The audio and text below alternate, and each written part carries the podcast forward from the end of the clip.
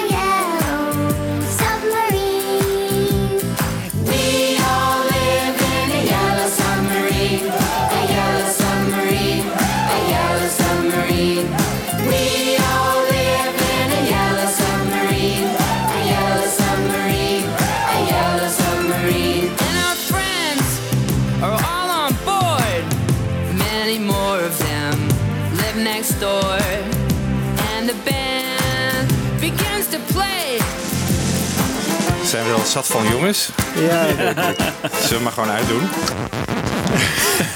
Fab Forecast. Ja, welkom Fab Forecasters bij eh, een nieuwe show van eh, Fab Forecast. Ehm, ik zit hier weer met mijn vaste companen Jan Kees. en Michiel. En we hebben een gast vandaag, ja Peter Puntman. Peter Puntman. En wij gaan het vandaag hebben over eh, het Yellow Submarine project. Eh, de tekenfilm natuurlijk en eh, alle verhalen eromheen.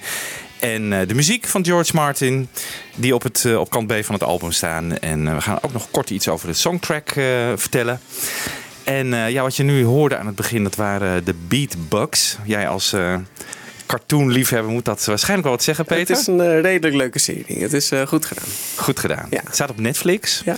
En ze hebben dus de toestemming van het Beatlekamp dus gekregen om die nummers te gebruiken. gebeurt. Nee, nee, klopt. Dus die waren er zelf ook wel enthousiast over. Maar Peter, eh, vertel even wat eh, kort wat over jezelf. Waarom ben je hier en wie ben je? Ja, ik ben animator van beroep en Beatle-liefhebber als hobby.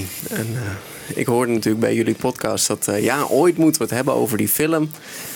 Maar ja, jullie hadden niet een idee van wat gaan we daar dan over zeggen en wat is er dan wel iets over te zeggen? Kun je er wel een podcast mee vullen? En ja, wat mij betreft zeker weten. Ja, want als ik naar mezelf kijk, dat verhaal rond die film. Ik wist al, ja, El Brodex, dat soort namen, die, eh, die vlieg je dan wel eens om de oren in. Maar eigenlijk interesseert me dat nooit zo. Totdat jij met het idee kwam van, nou laten we eens eh, die film onder de loep gaan nemen. Toen ben ik een beetje in het verhaal gedoken. Dacht, ja, er is eigenlijk een soort soap story eh, Ja, op de achtergrond geweest. En toen raakte ik toch wel geïnteresseerd in gewoon puur het verhaal rond het maken van deze film. Dus Ja, het wordt vaak als een eh, baanbrekende film gezien. Het is een unieke film, dat wel. Eh, baanbrekend qua stijl en wat dan ook. Ja, dat, dat vind ik meevallen. Maar het is interessant. Het is hoe dan ook heel interessant. En daarna heeft het wel een soort ja, opleving aan de animatie gehad. Eh, dus sowieso wat dat betreft een interessante film. Maar oh, achter de schermen, wat een gedoe. wat een gedoe. Ja, daar gaan we het over hebben. Michiel, jij hebt de film, had nog nooit de film gezien, hè? Ongelooflijk. Ja. Nee, maar precies met hetzelfde idee van ja, het is allemaal net even te afgeleid. Het staat net te ver van de Beatles af. Ja. En ehm, de DVD had ik wel, maar op een of andere manier nooit toegekomen om echt voor te gaan zitten. Maar twee weken geleden toch is gedaan en het is me meegevallen, jongens. Ik Met je toch, kinderen? eh, nee, ik heb het wel alleen gekeken. Ik denk niet dat mijn kinderen. Ik geloof dat, ja, ik denk dat je dan, als je toch een beetje Engelstalige kinderen hebt, dat het dan wel, eh, dat die het heel leuk Ja. zullen vinden. Maar er zitten zoveel woordgrapjes in dat eh, veel je ook ontgaat. Het is ook trouwens best curieus om het met ondertiteling te kijken, nee, Nederlandse ondertiteling. Want dat slaat echt de plank heel vaak totaal mis. Er zitten zoveel woordgrappen in dat je het gewoon niet goed kan vertalen eigenlijk. Maar als, als, als animatie snap ik wel dat het eh, op, op, minst zeg maar opwindend is wat er allemaal gebeurt. Hè. De keur aan stijlen en aan typetjes die je langs ziet komen. En eh, ik vind het toch wel heel grappig de, ja, het idee van een beetje de, de, de, weemoedige, shockende Ringo door een, die door ergens door een landschap loopt. Hè. Een beetje de, de Hard Day's Night. Een beetje daarnaar teruggrijpen. Ja, ja. Dat zie je heel duidelijk terugkomen. Ehm, dus ik blijf het wel een beetje ja, toch ver afgeleid vinden. Niet, niet een van de meest interessante Beatles producten, maar zonder meer een, eh, ja, toch wel een leuke avond gehad. Om het eens een keer helemaal integraal te zien. eh, ja. En Jan Kees, jij? Ja, nee, ik, ik, ik, ik was altijd ge- geïnteresseerd in, eh, vroeger al, van, zat er nou andere muziek in dan, hè, dan eh, de, op de, wij van de plaat kennen van de Beatles? En in, wel, in wat voor manier is het anders en hoe klinkt het anders? En ik was, eh, toen ik daar voor de eerste keer kennis maakte met die film, was ik eigenlijk ook hevig teleurgesteld dat ze niet zelf hun stemmen deden. Want Ja. dat herkende je toch wel heel snel. Ja. En dat vond ik wel jammer. De kleuren vond ik echt schitterend. En nog steeds, ik bedoel. Als je dat nu ook ziet in die, in die nieuwe uitgave. Ik bedoel, het ziet er echt prachtig uit. En het is echt. eh, ik heb vroeger nog op een oude VHS gekeken. En dan zag het er eh, Ja. veel minder mooi uit. Maar nu ziet het er weer schitterend uit. Het is helemaal gecorrigeerd en zo. Hè? Echt die felle gele kleuren. Zo prachtig. En dat blauw en dat groen en zo. Dus eh, wat dat betreft. en ik vind het ook net een wat andere animatiefilm dan de normale animatiefilms. Ik weet niet precies waar dat dan ligt. Maar voor mijn gevoel gewoon. Maar daar kun jij straks best meer over, eh, over zeggen. En ik vond de muziek van George Martin altijd interessant. eh, En ik heb, eh, maar goed, dat is een afgeleide. De uitbrengen van die LP. dat het een beetje tussendoor kwam.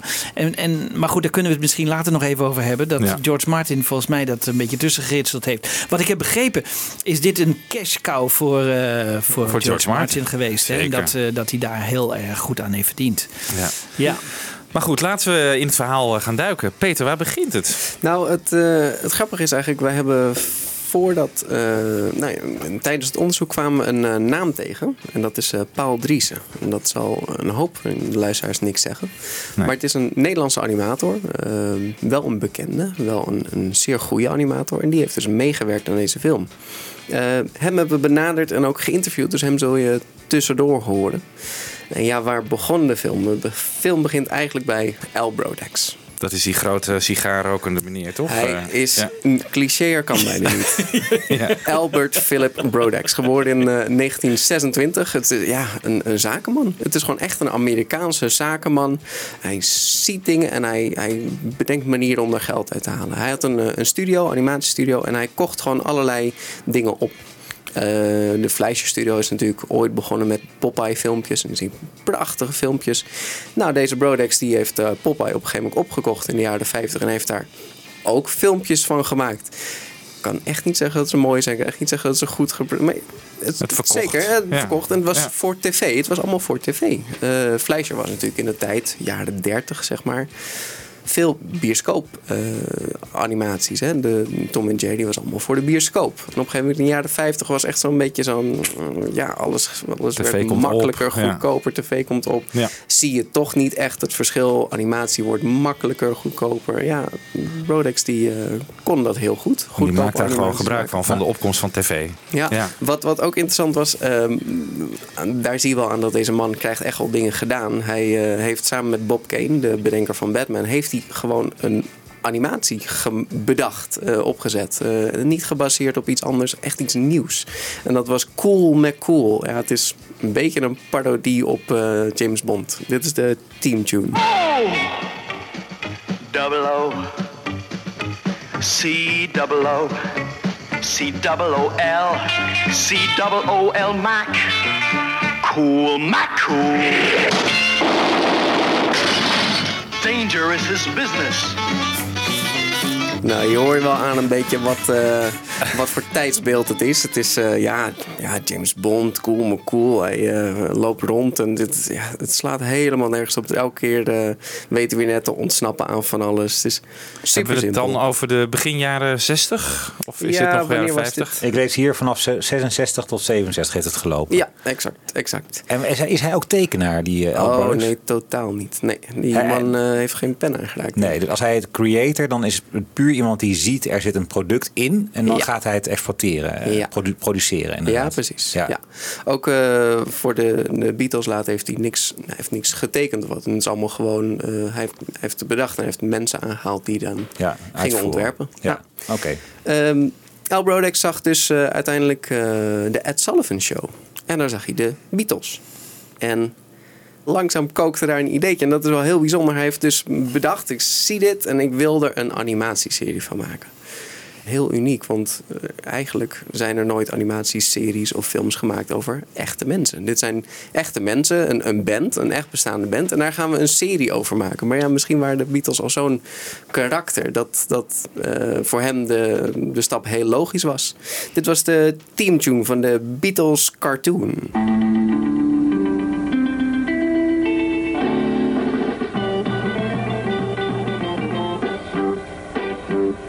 Zo kort? Dus Ja, lekker kort. En eh, daarna ging je gewoon heel veel eh, Beatle-muziek eh, draaien.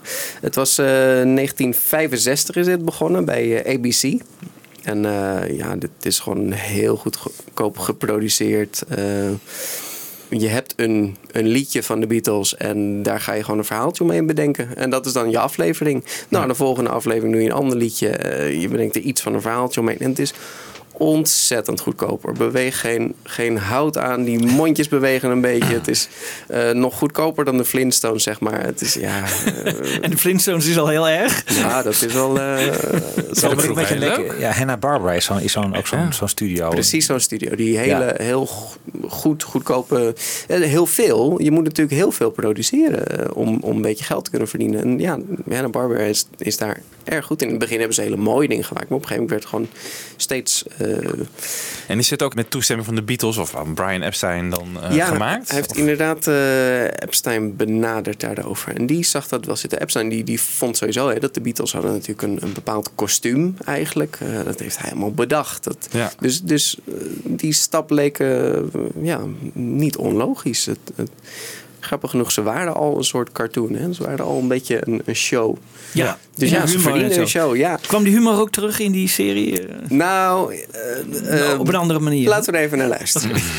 And now, boys and girls, the most exciting part of the show, the sing-along, in which you people in the audience join in on the lyrics. Are you ready now? Pardon me, George. You know the prop man is still out sick and I'm taking his place. So? So I have to know what kind of set decorations you'll want for this next song. I, I tell you what, this next number is loaded with mood. So bring out something appropriate for mood. What's a mood? Uh, right. As I was saying, what in blazes is that? It's called a cow. I know that, you clot. But what's it doing here? Well, you said this next song calls for lots of mood. Well, that's exactly what she did. She mooed. no. Give us another one, bossy. You know, the beast has more sense than Ringo. And a one, and a two, and a... One day you'll know. Nou, dat is toch wel echt hilarisch. Ja, nou moet ik wel zeggen, ze hebben voor die stemmen toch wel een beetje... eh, het is in Amerika gemaakt dus, en het zijn, het zijn Liverpool-achtige accenten die ik hier hoor. Ja. Dus eh, ze hebben daar, nog wel, daar hebben ze dan nog wel wat moeite voor Eh, gedaan. ja, maar het is een, het is een Amerikaans-Britse productie. Oh.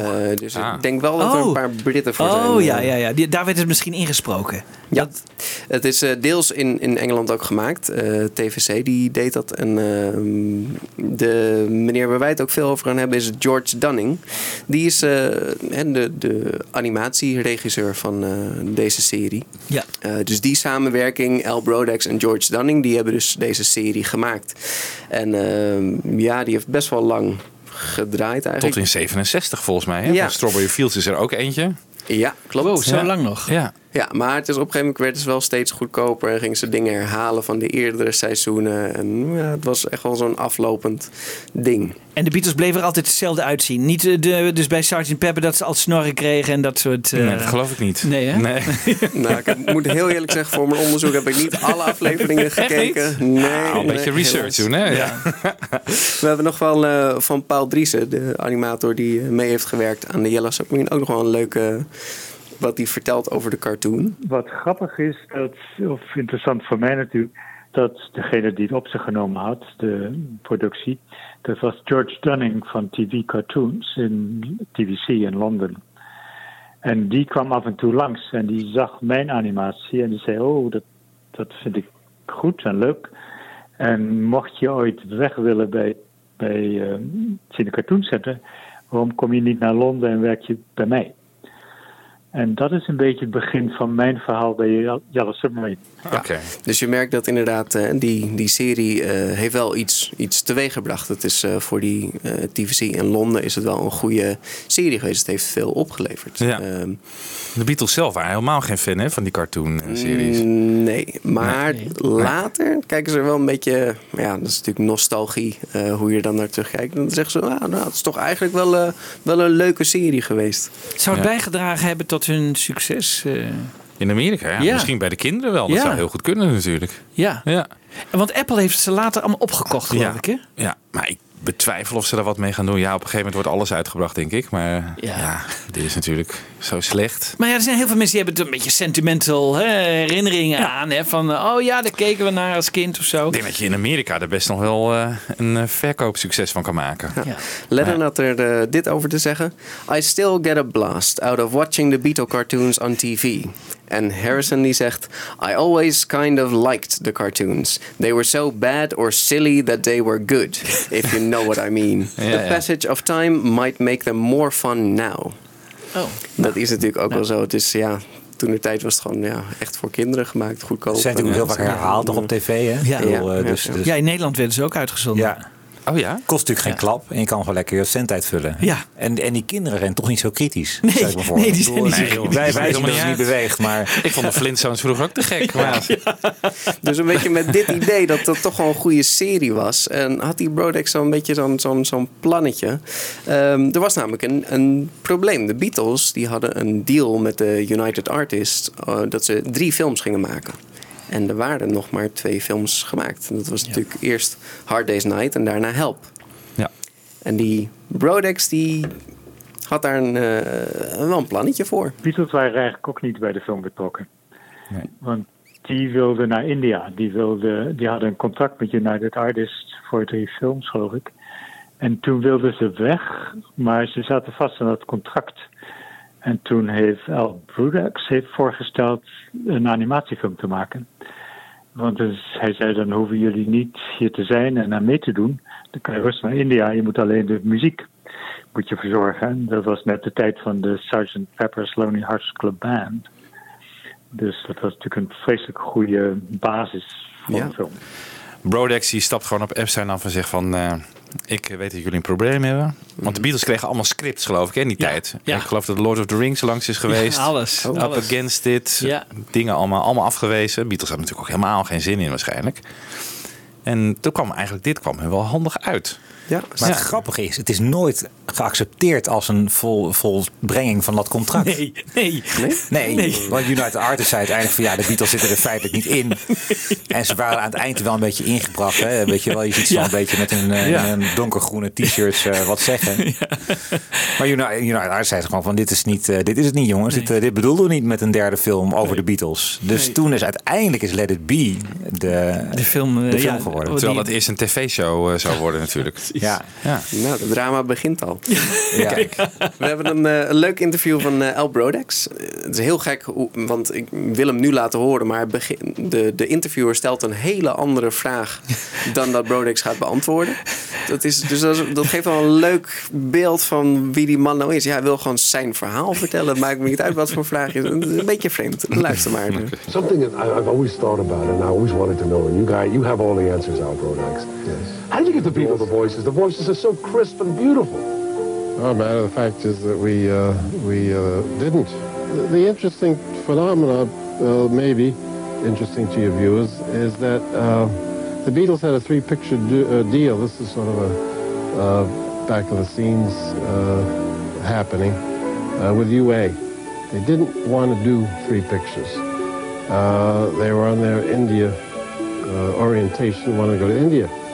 So I did arrange for them to uh, to meet with me and uh, talked them into the fact that they didn't have to do a thing. I'd do it all. All they had to do was sign a piece of paper. And, and uh, we actually got uh, four voices from Liverpool, four Liverpudlians. Ja, Ja. Je hoort hem echt, eh, ja, oh, you didn't, don't have to do a thing and just sign here. Ja, je hoort die heel mooi. En dan laatst nog even, oh ja, en die stemmen, dat was iets anders. Ja, hele, hele vreemde man.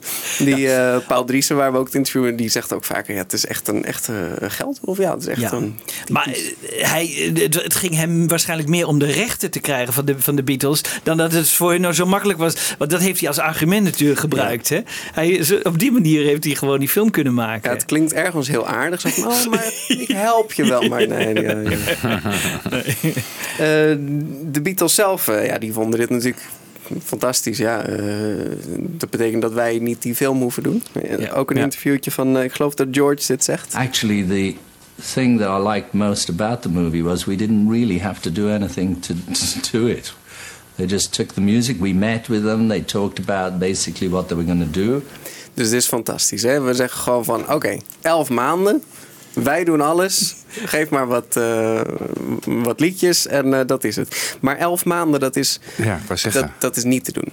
Eh, Nee. Geen enkele animatiefilm wordt gemaakt in elf maanden. Eh, als je kijkt naar een, een, een Disney-film, dat duurt vier jaar. Je bent een jaar bezig met een idee bedenken en dat moet je vormen. En het tweede jaar ben je een beetje bezig met dat script. En het script moet helemaal waterdicht. En dan eh, misschien komt er eindelijk dan zo'n zo'n eh, storyboard uit. En als je het storyboard goed hebt, dan begin je eindelijk eens een keer aan die animatie. En dan, nou, misschien na vier jaar dat, je, dat die dan af is. Dat is was toen ook al zo, dat het zo lang... Oh, jawel, jawel. Duurde, ja. Ik weet niet precies hoe lang ze aan...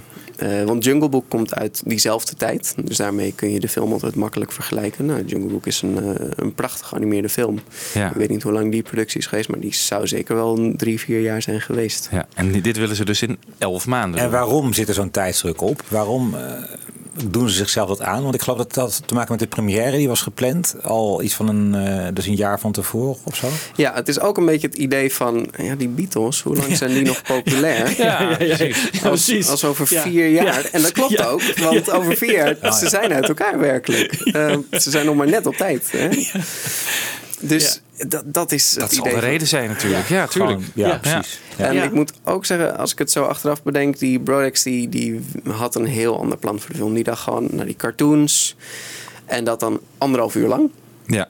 Dat kunnen we wel Ja. in elf maanden. En dat is niet gebeurd, want het is eigenlijk gewoon een psychedelisch eh, Ja. eh, ja, meesterwerk niet, maar het is heel anders geworden dan Brodex. eh. Totaal anders geworden. Maar er moest dus eerst. Moest en wie wel- lag dat dan?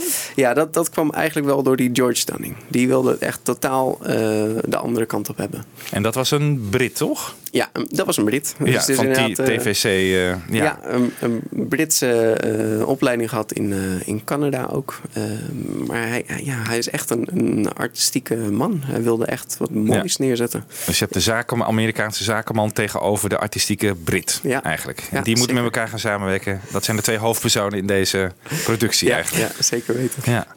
Maar de, geen van deze was een eh, scriptschrijver. Dus eh, ze moesten een script gaan maken. En in eerste instantie hebben ze daar de... Ja, Jack Mendelson, die was natuurlijk al schrijver van de cartoon. Dus die hadden ze al. Maar ze hadden, ze hadden meer nodig. Ze hadden in eerste instantie Lee Minhoff. Die was, eh, gek genoeg, schreef hij mee aan 2001 Space Odyssey. En hij is benaderd dus eh, om daar iets van te maken. Een film van Stanley Kubrick, even voor duidelijkheid. Als Ja, zeker. Ja. En ehm, nou, als je dus dat ook een beetje in je achterhoofd neemt, zo van, oh, eh, en de Odyssey en eh, zo'n Yellow Submarine en een reis ergens naartoe, dan denk je van, oh, daar komt het idee vandaan. Dat is dus een beetje wat die Ah, Lee ja. Minhoff heeft eh, opgezet. Ja. Dus het idee om iets van een object te pakken wat in de tijd gaat of gaat reizen, dat komt van die Lee Minhoff. Ja. En is het dan ook zo dat hij de, de Yellow Submarine heeft ingebracht? Is dat Eh, duidelijk geworden? Wie, van wie nou, dan het idee is om bij een nummer dat al twee jaar oud is, om daarop terug te grijpen voor deze film? Ja, het is wel dat eh Minhoff daarmee is eh, begonnen. Hij heeft Old Fred bedacht. Hij heeft het idee achter een, een Yellow Submarine en die dan eh, een reis gaat doen. Ja, dat is dan de kapitein hè, van die eh, onderzeeboot. Ja. Ja. Dus dat is inderdaad een van de eerste eh, schrijvers. Hij heeft echt eh, de basis gelegd. Eh, Lee Minhoff heeft ook besloten hoe het karaktertje Jeremy... die heeft namelijk een hele specifieke manier van praten. Die Nowhere Man is ja, dat toch? Ja. Nowhere Man inderdaad. Hij gaat alle kanten op en hij, hij is met van alles bezig. En het is eigenlijk wel grappig als je... Hij zegt namelijk dat hij dat heeft gebaseerd op Jonathan Miller. En dat is een, een theaterproducent. Hier is een eh, interview met hem. Well, I think we laugh at anything to do with the bowels for some reason, um, or we laugh at it in England. The Americans don't laugh at it. You see, the Americans have commercials about it, and they don't laugh at it. In fact, as soon as they hear the English laugh at it, they say, "You're always going in for this bathroom humor."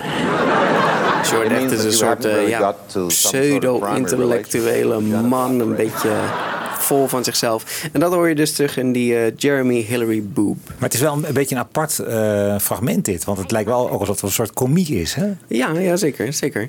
Eh, het is, eh, Dus ja, is- hij is gewoon echt een theaterproducent. Hij is gewoon echt een, ja, eh, vol van het theater, vol van zichzelf, vol van hoe geweldig hij is. Ja. En dat eh, heeft die Oh. Lee Minhoff dus eh, even in dit karaktertje geschreven. I must complete my bust. Two novels, finish my blueprints, begin my begin. Hey, Jeremy, must you always talk in rhyme? If I spoke prose, you'd all find out I don't know what I talk about. Ad hoc, ad loc, and quid pro quo. So little time, so much to know. Hey fellas, look. Dus dat is eigenlijk gewoon de stem van die Jonathan Miller. Ja, zeker. Had hij een appeltje te schillen, die Lee Minhoff, met eh, Ja, deze dat, persoon? eh, dat had hij zeker. Hij was eh, helemaal niet te spreken over de samenwerking met hem. En, eh, en natuurlijk als zijn eh, theaterproducent ja, heeft hij zoveel meegemaakt blijkbaar dat hij dit van zich af moest schrijven. Ja. Echt gewoon in de zijk genomen. Ja. ja. Een eh, Aha. tweede schrijver voor de film is Eric Siegel. En dat is weer zo'n zo'n bijzondere man. Ik weet niet waarom, maar Brodex die wilde allerlei bijzondere scriptschrijvers. Hij probeerde al de schrijver van het boek eh, Catch-22 te regelen, maar dat is niet gelukt. Joseph Die- Heller. eh, Ja, die, die Eric Siegel die heeft hij eh, wel gestrikt. En dat is eigenlijk wel heel gek gegaan, want... Ja, hij, hij wil natuurlijk ehm, en de, de film echt iets meegeven. Echt een soort gravitas geven. Het, het idee dat het een beetje literair is. Dus hij had een eh, PhD. Hij is een academicus. En hij is inderdaad de schrijver van Love Story. Die toen nog niet is uitgekomen. Maar Brodex had er al van alles over gehoord. Hier eh, een interview met Eric Siegel. Hoe dat eh, gegaan is. Dat interview met Big L Brodex. The phone rang, and it was Al Brodax from London. He said, Siegel, this is Big Al Brodax. I'm going to give you the chance of a lifetime. I said, What? He said, um, I need a rewrite fast. I need a rewrite in three weeks. Are You're going to come? I said, I don't know if I want to come. I mean, I hear this picture's a cartoon. I, I don't want to write cartoons. He said, Siegel, don't you understand? Sergeant Pepper has already sold three million albums. I didn't know who Sergeant Pepper was, so I said, uh, uh, Mrs. Pepper must be very happy. Ja. Dus je hoort, die Lee Minhoff is begonnen met het script. En eh, nou ja, dat ging blijkbaar allemaal niet helemaal goed. Er, er waren nog dingen. En die eh Brodix die dacht, ik moet iemand erbij halen. En eh, binnen drie weken hebben we een rewrite nodig. En dat was dus die Eric Siegel, die is daaraan begonnen. Ja. Dit ging op zich allemaal goed. Hè. Siegel heeft verder met Jack Mendelson het script geschreven. Maar er was nog één extra schrijver en die staat niet eens op de credits. En dat is Roger McGough. Ja, wie is die man nou? Ehm, we hebben iemand die dat heel goed kan introduceren. Roger McGough is a Liverpool poet. He's the author of many books set in and around Liverpool, including Merseysound, Gig, the Liverpool Scene, and two of his Liverpool poems are in the Oxford Book of 20th Century English Verse. He was born in Liverpool, attended school in Liverpool, was even married in Liverpool, and his football team is, of course, Everton. He's a member of the Scaffold, a light comedy group who played the Cavern during the early 60s. And during those incredible years, he lived, wrote, loved, watched football, and drank in Liverpool. Roger, did you know the Ruttles? Oh, yes, yes. Roger McGough, Liverpool poet, writer, author, humorist, bon viveur, and a man who knew the Ruttles. ja, kennen we die een beetje, Roger McGough? Ja, Ja, van de Scaffold natuurlijk, hè, met die band van eh, Mike McCartney. Ja. Mike McGear. Lily de Pink. Ja, Lily, de Pink. We hebben hem eh, erbij. Gooi hem erin. We'll drink a drink a drink to the lady, the pink, the pink, the pink, the savior of the human race. For she invented medicinal compound, most efficacious in every case. Ja, ontzettend grappige man. eh, echt een, een poëzieschrijver ook. En eh, ja, hij... Ja, hoe is hij hierbij betrokken? Hij kende gewoon mensen die daar eh, bezig waren. En hij merkte eigenlijk al gauw dat die, die Beatle-teksten, die audio, die dialogen die ze hebben... Ja, dat is niet echt de Beatles. Hè? We hebben het al eerder gehoord bij die cartoon. Het lijkt er wel op, maar het is nou niet echt dat je denkt van Liverpools. Het is nou niet echt authentiek dat je denkt van ja, dat is Ringo, dat is George. Dat is, Zijn dus die, hij heeft eigenlijk... scripts, die, die, je zei net Jack Mendelson schrijft eraan. Eh, Mhm. Lee Minhoff heeft er aangeschreven, maar die is van het project gehaald. Ja. Eric Siegel. Eh, zijn het allemaal Amerikanen? Eh, Of is ja. Jack Mendelson Ja. een Brit? Dus eigenlijk laten ze gewoon een typisch eh, hè, Engels verhaal. Tenminste, Beatles zijn natuurlijk Engels en doordrenkt van eh, Britsheid. Het hele script dan door Amerikanen schrijven is natuurlijk eigenlijk geen goed idee. Nee, nee totaal Toch? niet. Want die snappen, dat zegt Mark Lewis ook altijd. Van als je een Amerikaanse auteur bent, nou ja, Je moet Brit zijn om de Beatles echt goed te kunnen vatten. Ja. Ja, maar dat is ook dus een beetje een ding geweest van eh, ze moeten nog wel verstaanbaar zijn. Dus dat was constant een soort. eh, En kan je nou zeggen dat, want je zei net, het script werd geschreven door die Eric Siegel met die eh Mendelssohn dan. hè? Die verzinnen zeg maar het grote verhaal. Wat is, wat is het verhaal wat van A naar B, zeg maar, hoe, hoe moet, welk verhaal gaan ze, vertellen in de film. Maar die McGuff die wordt meer van de woordgrapjes. Kan, kan je dat zeggen dat dat eh, Ja, zeker weten. Je, het typische je hebt, Liverpoolse idioom zeg maar komt erin door die Roger McGuff? Ja, en hij heeft ontzettend leuke grapjes erin geschreven. Hier hebben we een stukje van de film. When I saw the script, I could see why, in fact, I'd been brought in. It read as if it was set in on the Bronx or something. I mean, the, the, the Beatles actually spoke sort of uh, American Jewish. Are you, uh, bluish? You don't look bluish. So it wasn't so much that it, wa- that it wasn't funny, it wasn't anything, but it was not Liverpudlian. That's all it was, I thought. So I was brought in as a Liverpudlian, as a writer. Yes, they do look very nice, don't they? Yes, they do. They do, though, don't they? Yes, they do. Don't they, though? Do? It's the rhythm. It's the it's the rhythm. The, the, you know the way they cut together and way the, the, the flat voice of Ringo and you know Paul's this one. You- you- There's certain words you use in the sing song and the elements of which, as a, I suppose, as a poet, um, I was able to to have. Liverpool can be a lonely place on a Saturday night. And this is only Thursday morning. Hey, there's a Cyclops. Can't be, he's got two eyes. Well, must be a Bicyclops. There's another one. Whole cyclopedia. Ja, daar hoor je wat. Het zijn toch wel ja, leuke grapjes die, die niet heel erg eh, on the nose zijn. Hè? Zoals die vorige. Ja, it mood. Ja, dit is toch wel wat, wat slimmer. En, eh, het, het gaat ook gewoon door. Het is niet de grap die er zo ingepland maar zoals de Beatles. Hè? Luchtjes, eh, luchtig zo'n zo'n grap er doorheen weven. Ja, heel, Ja. heel leuk. En het ritme inderdaad. oh, Dat beetje dat. Ja. En dan, deze McGuff die wordt er dus bijgehaald, maar krijgt dus geen credits eh, helemaal voor, de, voor zijn bijdrage. Nee. 500 Nee. pond geloof ik hè?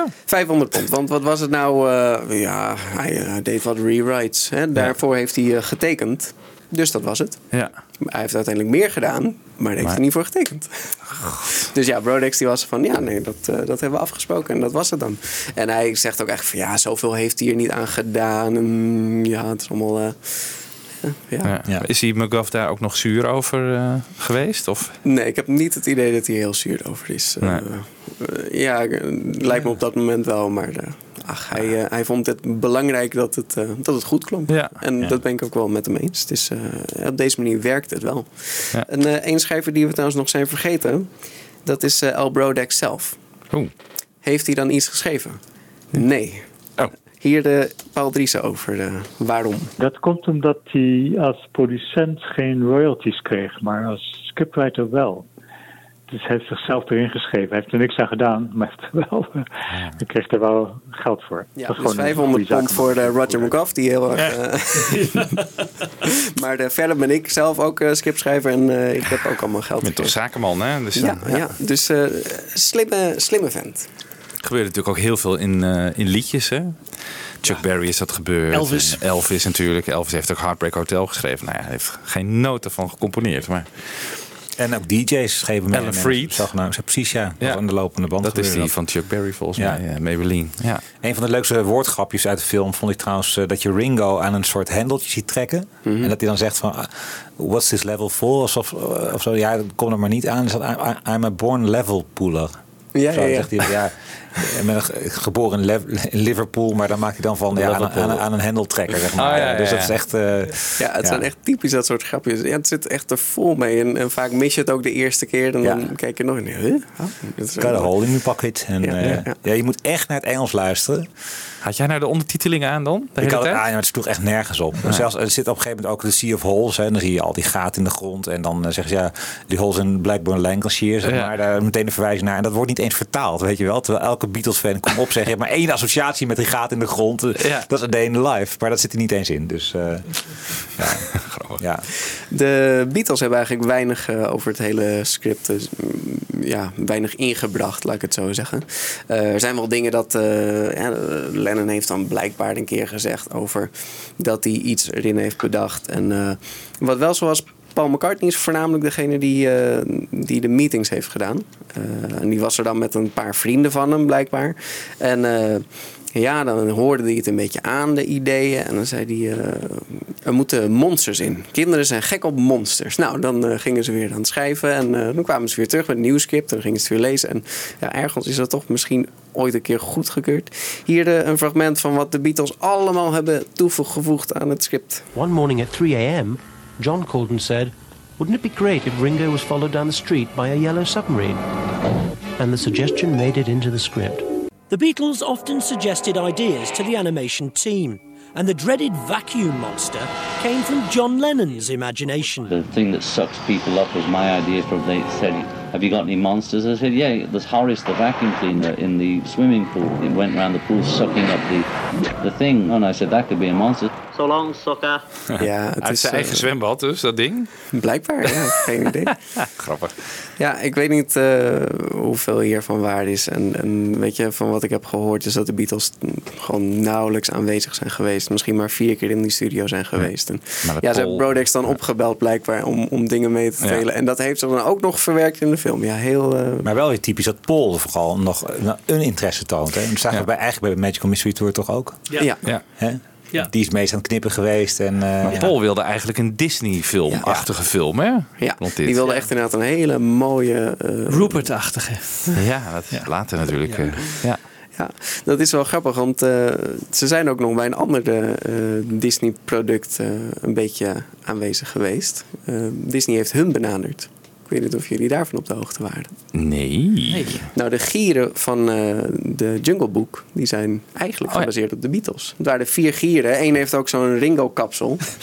en die hebben ook een beetje een, een Liverpools accent. En die zouden ook werkelijk ingesproken gaan worden door de Beatles. Maar ja, er ging uiteindelijk te veel tijd in zitten, vonden ze. En eh, toch niet zo interessant. Ehm, dit heeft ook geresulteerd in dat ze het iets minder op de Beatles hebben laten lijken. En ook het liedje hebben ze veranderd. Het zou eerst ook wel een heel Beatle-achtig liedje worden. Maar het is nu een eh barber kwartet geworden, zeg maar. Dus eh, ja, constant zijn ze wel ergens bij betrokken, maar toch niet echt. Nu bij deze film, nou, toch niet echt. Ze hebben wat eh, suggesties gedaan en dat was het dan. Hey, maar dat script dat is eh, volgens mij doet nog wel redelijk rond dan. Hè? Is die McGuff die heeft zijn bijdrage aan geleverd. Beginnen ze dan met tekenen of... Ik, Want die eh, elf maanden zitten nog steeds in mijn hoofd. Ik denk van ja, dan... Ja. ja. Het feit dat Toch? we nu eh, eh, alle scriptschrijvers hebben verteld, dus eigenlijk hebben we ontzettend tijdsprongen gemaakt. Want ze waren al lang bezig met van alles tijdens het schrijven van de script. Een script is nooit rond geweest. hè. Ze zeggen wel, er zijn veertien scripts geweest. En ja, geen van dit, deze scripts waren echt af. Ze zijn constant maar gewoon aan het bijpoetsen, bijpoetsen. En het erg is, er is ook nooit een storyboard gemaakt. Een storyboard is gewoon eindelijk dat je de hele film in een soort stripvorm klaar hebt. En dan zie je van, ja, dit is de hele film. Dan kun je misschien nog wat schuiven. En eh, soms dan film je het, zodat je het ook getimed hebt. En dan weet je hoe lang de film duurt. En dan kun je kijken, oh, die scène die is een beetje lang, die is misschien te kort. Nooit gebeurd. ze doen hebben ze die zelfs- scripts en constant ja. maar aan het schrijven en constant maar aan het tekenen. En, Ja. Ja, en eigenlijk het grote probleem was nu van, ja, maar hoe gaat die film er dan uitzien? Dat was het ding. Brodex die dacht eh, gewoon de cartoon. En George Dunning die dacht, nee, we gaan er iets heel, heel moois van maken. Eh, we hebben hier een, eh, weer een interviewtje van Brodex over hoe, hoe hij er tegenaan kijkt. The animation was strange. It was unlike anything Disney did. We worked basically in rectangles, whereas Disney always worked in circles. And it, had a different look. And it sort of developed a cult uh, around it. And uh, it does seem to have a, longevity. Ja, dat snap ik wel wat hij zegt. Dat Disney-figuren altijd gewoon mooi rond zijn en zo. En dit is natuurlijk heel hoekig eh, Ja, animatie. erg hoekig, heel, Ja. heel plat ook. Je ziet nooit een poppetje echt dat, dat, dat er ergens een rond echt doorheen loopt. Echt zoals eh, je in Jungle Book echt wel eh, ziet dat hij dat die door zo'n set heen loopt eigenlijk. Hè. Ja, hier zijn het gewoon platte animaties. Maar Brodex laat nu heel erg klinken alsof hij dat allemaal wel van plan was. En dat, Ja. eh, Maar dat is nee. allemaal George Dunning geweest eigenlijk. Ja, daar Ja. heeft eh, Paul Driessen nog wel wat over te zeggen. Kijk, Al Brunax en, en Goodman, die andere de line producer en United Artists, die wilde eigenlijk een cartoonfilm maken. En snel en grappig en vol met geintjes. En George Dunning, die kwam, dat was een Canadees, die kwam van de National Film Board. En daar was hij getraind door McLaren. Dat was dus echt een, een kunstzinnige figuur. Met meer abstracte animatie en, eh, en helemaal niet cartoon. Het was geen man die grapjes, echt cartoon grapjes leuk vond. Dus die wilde een hele, hele mooie film maken. En dat was een strijd tussen hem en Al Brudax. Om de een die wilde gewoon een commerciële snelle cartoon en de andere wilde een mooie film maken. Oké, dus daar zat al ruzie. Maar ja, dat eh, begon daar al eigenlijk. Ik weet niet hoe eh, George Dunning in godsnaam eh, het door heeft gekregen dat hij, dat hij toch een mooie film ervan wilde maken. Ja, misschien toch allerlei beloftes doen van ja, maar we, het maakt niet uit, we maken het iets mooier, maar we gaan het toch op tijd afkrijgen en al dat soort dingen. En waren toen al de eh, al überhaupt bepaald hoe de Beatles eruit zouden zien in cartoonvorm? Of, eh, nee, ze hadden allerlei testjes gemaakt met hoe ze het wilden. Hè? Want er waren wel script-ideeën al, er lagen wel dingen. En ze waren wel al testjes aan het maken van hoe dan zo'n zo'n Yellow Submarine zou rondvliegen en wat dan ook. Maar ze hadden nog geen echte vaste design. En dat kwam eigenlijk in de vorm van uh, Heinz Edelman. Ik was al bezig met storyboards, nog niet met animatie, want we hadden nog geen script. Oké. Um, we deden wel oefeningetjes en dingetjes, maar dat, ik deed ook wat commercials voor, uh, voor TBC, want we hadden verder niet veel te doen en ik zat in dienst bij ze. En Heinz werd op een gegeven moment een paar maanden later gevonden. Ineens zei George Dunning, riep iedereen naar zijn bureau toe, zei ik, ik denk dat we gevonden hebben die we zoeken.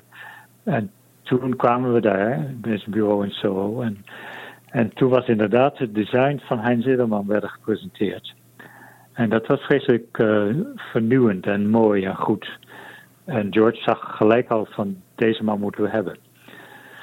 En, uh, en Heinz was een beetje in de stijl, en die kende was ook bevriend met uh, Milton Glaser en Peter Max uit die tijd. Een beetje de psychedelic jongens uit Amerika. Ja, dat is natuurlijk echt die, die pop art die toen een tijd speelde. En uh, Twin Magazine was natuurlijk een heel ja, hip magazine. En die hebben ze dus uh, gezien. Charlie Jenkins heeft het daar uh, ontdekt. En wie is Charlie Jenkins? dat is gewoon een van de animatoren. Ah, Oké. Okay. Die wist van Heinz Edelman. ja, die... blijkbaar. Ja, Oké. Okay. En dus die, van hem komen dus de cartoons van de Beatles zoals we dat kennen. En ook de hele layout van de film, of was dat al... Ja, wat, ja. wat, mij opvalt, inderdaad, als je de film bekijkt, het is, heeft een enorme gevarieerdheid aan, aan variatie aan uh, stijlen. Hè? Mm -hmm. Ik bedoel, de clip van uh, uh, bijvoorbeeld Lucy in the Sky en van Eleanor Rigby is één stijl. Daar zit ook realistische huizen bijvoorbeeld in verwerkt. Dat ja. heb je. Maar daarnaast heb je inderdaad echt een veel meer klassieke Beatles figuren. En die laatste zijn dus van Heinz Edel, Edelman. Ja, maar dat is wat ik dus of, net al zei. Het is popart. En, en popart is natuurlijk gewoon alles bij elkaar gooien. Een soort collage aan dingen. Het is, het is chaos, het is, maar toch is het één stijl. Popart is natuurlijk zo wild en ja, toch ja. het enige hoe je het kan omschrijven. Popart. En hetzelfde met deze film. Ja, het is... Ja, het zijn allerlei stijlen. Ja. Klopt. Het is handgetekend. Er zit uh, ja, niet stop motion, maar uh, wel cut-out animation. Dus ook in feite stop ja. Met foto's, hè? Dat maar ook uh, rotoscopen. Dus inderdaad ja. film overgeschilderd. En nou, want we zullen nog over de invloed gaan hebben. Hè? Maar, mm. maar bijvoorbeeld Monty Python wordt altijd gezegd hè, dat die wel inspiratie hebben ontleend aan deze film. Zeker weten. Dat zijn van die dingen die aan de realiteit ontleende portretten bijvoorbeeld die iets raars gaan doen. Bij, bij wie je mond ziet bewegen waar boten in verdwijnen. Nou, ik noem maar even iets. Uh, hè, dat, dat zit er duidelijk in. Maar is dat nou ook, is dat, kan je dat zeggen, de invloed van die Edelman? Of is Edelman veel meer ervan man geweest, gewoon die, die mooie ronde. Ja, je moet wel bedenken dat... Met die lange benen, zeg maar. Precies. Die design komt van Edelman. En hij heeft ook de Blue Minis wel bedacht. En hij heeft ja. ook de slechterikken bedacht. Maar die clips tussendoor... Hè, want het is eigenlijk gewoon een film met ook wel wat clipjes tussendoor. Uh, ja, die zijn dan gewoon bedacht door de animatoren. Die hebben gewoon, uh, zijn zelf daarop losgegaan. Ja. Dus eigenlijk heeft Heinz Edelman voornamelijk de stijl waarin je de scènes ziet. De, de Yellow Submarine zelf, de Beatles zelf, hoe die eruit zagen. Ja. Dat is ook uiteindelijk, hij heeft de, de Beatles getekend en met die tekening Ja, ja. heeft hij iedereen overtuigd om dat te doen. De Lego set van eh, Michiel, Ja. die, eh, dat is Waarmee van die Heinz. met kerstmis, van jou toch eh, van mij ook Ja. trouwens. Ja. We hebben een fragment van Edelman. Dat is wel een hele bijzondere man. My name is Heinz Edelman, and I was the designer of the Yellow Submarine. London was the big mystique, and everything was happening in London, so I went there to be instructed and not to peddle any big ideas. At that time, nobody knew if a non Disney feature film would ever work because every other animated feature film made up to then had pulled down the studio with it. The History of animation up to then was a history of studios folding under the weight of an animated feature. And this was the big question if we could bring it off at all. So I thought from the very beginning this should be a series of interconnected shorts. So the style should vary every five minutes or so to keep the interest going until the end, which more or less works. And I think this is why the Beatles are so timeless even today. It's this pre modern innocence. At the same time, they were the first modernistic pop musicians by using collage elements from other modern styles or classic elements into what essentially is pop music. But at the same time, they had an innocence the big bad boys of rock and roll did not have. And I think this is the quality people still seem to be finding in not only in their music but in this poor little venture into animated filmmaking. Oké, nou, gelukkig zijn ze cartoons eh, in- beter. Sorry. Dat was een- hij praat net als een kistje trouwens. Hè? Dus, eh, Ja. Wat is het dan met die Duitsers als ze Engels gaan praten? Dan, het eh, was een eh, Zwitser trouwens. Oh, een Zwitsers, oké. nou ja, Ja. moeten we Ja. wel eventjes eh, recht houden. Maar eh, je hoort dat hij dus zegt van ja, allerlei verschillende stijlen. Wat ook wel heel schattig is, hij zegt dat featurefilms, dus bioscoopfilms zoals dit, hebben altijd de studio naar beneden getrokken. Ook bij deze film. Ja. Ja, dat, dat gebeurt gewoon altijd. Het is, eh, als je niet een, een studio bent die daarop op gebouwd is, dan gaat dat nooit lukken. Zo'n film is gewoon veel te veel werk. Dat, eh, Ja. Maar goed, hij, hij dacht dus ja, als we nou gewoon eh, veel verschillende stijlen hebben. We hebben natuurlijk een beetje die, die standaardstijl. eh, en dan heb je af en toe gewoon eens een clipje die even helemaal iets anders doet. Ehm, dan kunnen we dat verdelen over meer mensen. En dan, dan kunnen we makkelijker eh, die film maken. Anders heb je een, een, eh, zo'n stijl moet helemaal vastzitten. Als je bij Disney eh, een scène maakt en je bent gewoon niet zo'n goede animator, animator dan ja, houdt het op. Dan, En dus eigenlijk gewoon uit nood geboren, deze stijl ik, verschillen ik denk het wel. Ik vind Ja. het heel slim bedacht van deze Heinz Edelman. Ja. En verder heeft hij natuurlijk alles bedacht over ja, wat voor, wat voor, hoe die vijanden eruit zien. En ja, zoals al zei, het is een, eh, een Zwitser. En, eh, blijkbaar zit er ook iets in dat die Blue Minis, die waren dan rood. Eh, want het was natuurlijk communisme. Hè? Eh, de Beatles, de vrijheid, de muziek. Daar zet je een slechterik tegenover die anti-muziek, anti-vrijheid. Ja, dus dan krijg je toch een soort communisten. En ja, die waren dus eerst blijkbaar rood. Maar nu zegt eh, Millicent Macmillan, eh, de colorist, eh, animator van eh, de film, die zegt iets heel anders over. He wanted them purple. They should be purple. And I said, purple? Thinking, very strange colours to have something in film. Um, imagining what they would go with, and it would be rather garish. And I, I, I'm not being um, facetious here, but he hadn't made film, so he probably didn't know how colours adapted onto film. And so um, I said, Oh, what about blue? And he said, Ah, blue. Yeah. Blue meanness. Yeah, blue meanness. So he's quite happy with that, and so were all pleased. Because I would never have done any other colour if he'd really insisted on purple. It would have been my job to do it. I just thought it wouldn't look very good. And since then, that story has come about that he said that he told me to do them red, which was the first I'd heard of it, because I was sure he was going to say, oh, yes, I did say purple, but she did. She thought blue, and we decided blue. Well, he decided blue in the end, yeah.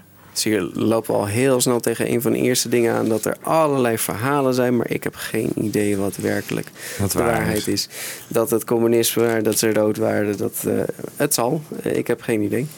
Wat eh, wel nog grappig is over het design van de Beatles, als we over Edelman hebben. Hij heeft hem natuurlijk gebaseerd een beetje op die. Eh, ten eerste de Sgt. Pepper, maar blijkbaar ook het, eh, het clipje van de Strawberry Fields. En daar zie je ook al aan hè, wie dan wel een snor heeft en wie dan geen snor heeft en hoe de bakkenbaarden zitten. Eh, en dit was natuurlijk toen deze film uitkwam al lang niet meer actueel. Daar klopte geen hout meer van.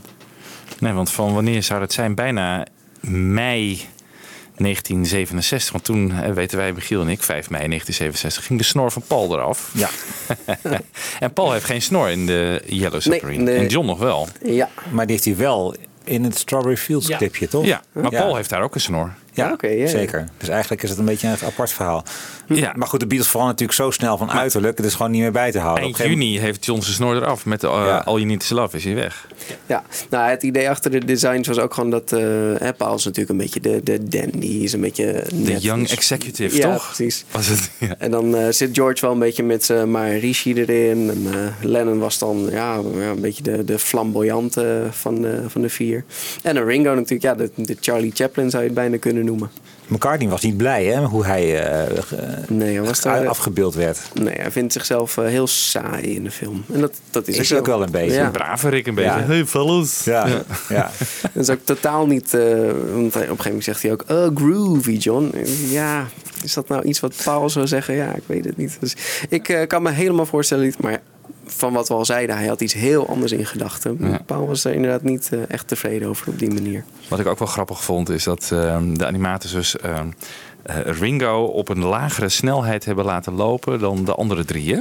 Ja, het zijn natuurlijk hele lange gasten. En ja, om het nog extra grappig te maken dat Ringo zo'n kleintje is, hebben ze hem eh, veel sneller laten stappen. Dus dat betekent dat je hem anders animeert dan die, eh, die drie grote die zo heel mooi aan het stappen zijn tijdens All You Oh, ja. Need Is Love. Oh, dus hij loopt Oh, hij juist loopt- sneller. oh, Hij loopt, Hij loopt sneller. Ja. Maar ik, ik, ik heb het ook gelezen. Met, tussen met 24 en 36 beelden is dan het af. Het, het, eh, oh, precies. Als je met minder beelden hebt, dan gaat het uiteindelijk sneller. Ja.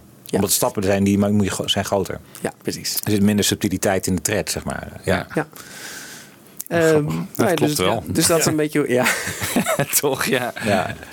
Dat is dan een beetje hoe dat design eh, is gekomen. En toen eh, moesten de stemmen nog.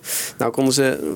Ja, ze hadden ook wel de stemmen kunnen nemen van de, de cartoon. eh, maar nou, daar wilden ze natuurlijk... Die Dunning wilde het totaal niet. Want ze zijn echt afgestapt van die cartoon. En het moest allemaal beter. Die cartoon was ook een beetje gericht op kinderen. En Dunning dacht... Nee, we moeten dit juist op tieners richten. Hè? Dus het moet allemaal net even wat serieuzer. Net even wat beter. Ehm, dit ging goed. Ze hadden twee, eh, twee stemacteurs. We hebben John Clive hebben we ervoor. Paul Engels. Hoe je dat ook uitspreekt. Heb Maar- je enig idee waarom de Beatles niet hun eigen stem hebben gedaan? Eh, was dat gewoon omdat ze er geen trek in hadden? Of hebben ze er überhaupt aan gedacht om dat te doen? Want dat was natuurlijk wel een mooie kerst op de taart geweest. Ja, ja. Jan Kees, dat moet je wel weten. Ja, nou ja, ze hebben later spijt gehad, hè? Ja. Dat ze het niet hebben gedaan. Niet Ja. die stemmen hebben. Ja, Want toen ze waren bleek er dat niet heel blij mee. Nee, daar hebben we inderdaad ook wel Maar ze zagen er dus weer tegenop om dat te doen. En, eh, Ja, het is natuurlijk enorm gedoe. En gedoe- je moet, eh, dat is een, een klus van, van, van misschien wel een week of zo. Ik Ja. bedoel, eh, Ja, ja. En die, die tijd wilden ze gewoon niet insteken. Nee, Nee, achteraf, nee, want ze waren niet geïnteresseerd in het project natuurlijk. Dus, Nee. Nee. Nee, ze waren echt, eh, ze zaten ook in India heel veel. Dus ik denk dat het ook gewoon niet te doen was om een alle vier zo in die studio te krijgen. We hebben hier een, eh, iets wat ze over de, hun eigen stem hebben te zeggen. We didn't, didn't imitate their voices. We tried to recreate what we thought were their voices. John? Paul? George? Is anybody home? Where are we? The thing is that none of the Beatles liked their own voices that had been done by us. I mean, Ringo said, you know, I don't really like the voice, you know, I don't really like it, you know. I mean, the others like it, but I don't. And they all feel the same about their voices. So they all thought that our impressions of their voices were acceptable. And they liked them of their friend or their mate, but not themselves. Ja. Ja, dat- het is eh, ja, logisch. Je eigen stem eh, horen is altijd natuurlijk anders. Hè? Ja, zeker. Wat vind jij van de stemmen van de Beatles in deze film? Ik eh, vind ze wel grappig. Ik, blijkbaar waren er heel veel mensen die het ook niet wisten. Ehm, Bij Ja. de première eh, hebben ze het ook niet vermeld. Hè. Ze hebben nooit eigenlijk verteld dat het, dat het niet de Beatles waren. Ze hebben altijd maar verkocht op een manier dat het gewoon de Beatles waren. Dus ja, dat, eh, ik weet niet of ik, het, of ik er zo bij stil heb gestaan als je de film kijkt. Nee. En het is natuurlijk ook wel zo dat als je stemacteurs inhuurt, die maken het ook wat cartoonesker natuurlijk. Dus als je echt één op één de Beatles stem had gedaan. Ik denk dat zij veel beter kunnen acteren dan dat de Beatles hadden Ja. kunnen acteren. Ja, Ja. zeker weten. Eh, wat nog wel heel grappig is, de, we hebben het nu over dat we niet herkennen dat de Beatles zijn. Maar blijkbaar is eh, George door twee verschillende mensen ingesproken. Aha. Ja, niet gehoord? Ja, heb ik wel gehoord. Ja, ja, sorry. Ja, gelezen heb je het Nee, misschien. maar of heb je het ook echt heb je het gehoord? gemerkt in Oh, de die, film? die, oh nee, op die manier. Je bedoelt dat die meneer Batten en, eh, en, eh, en de... Nee, dat heb ik niet gehoord. Ja, want er was eigenlijk een heel vreemd ding. Ze hebben eh, deze man, die eh, George, wie is dat?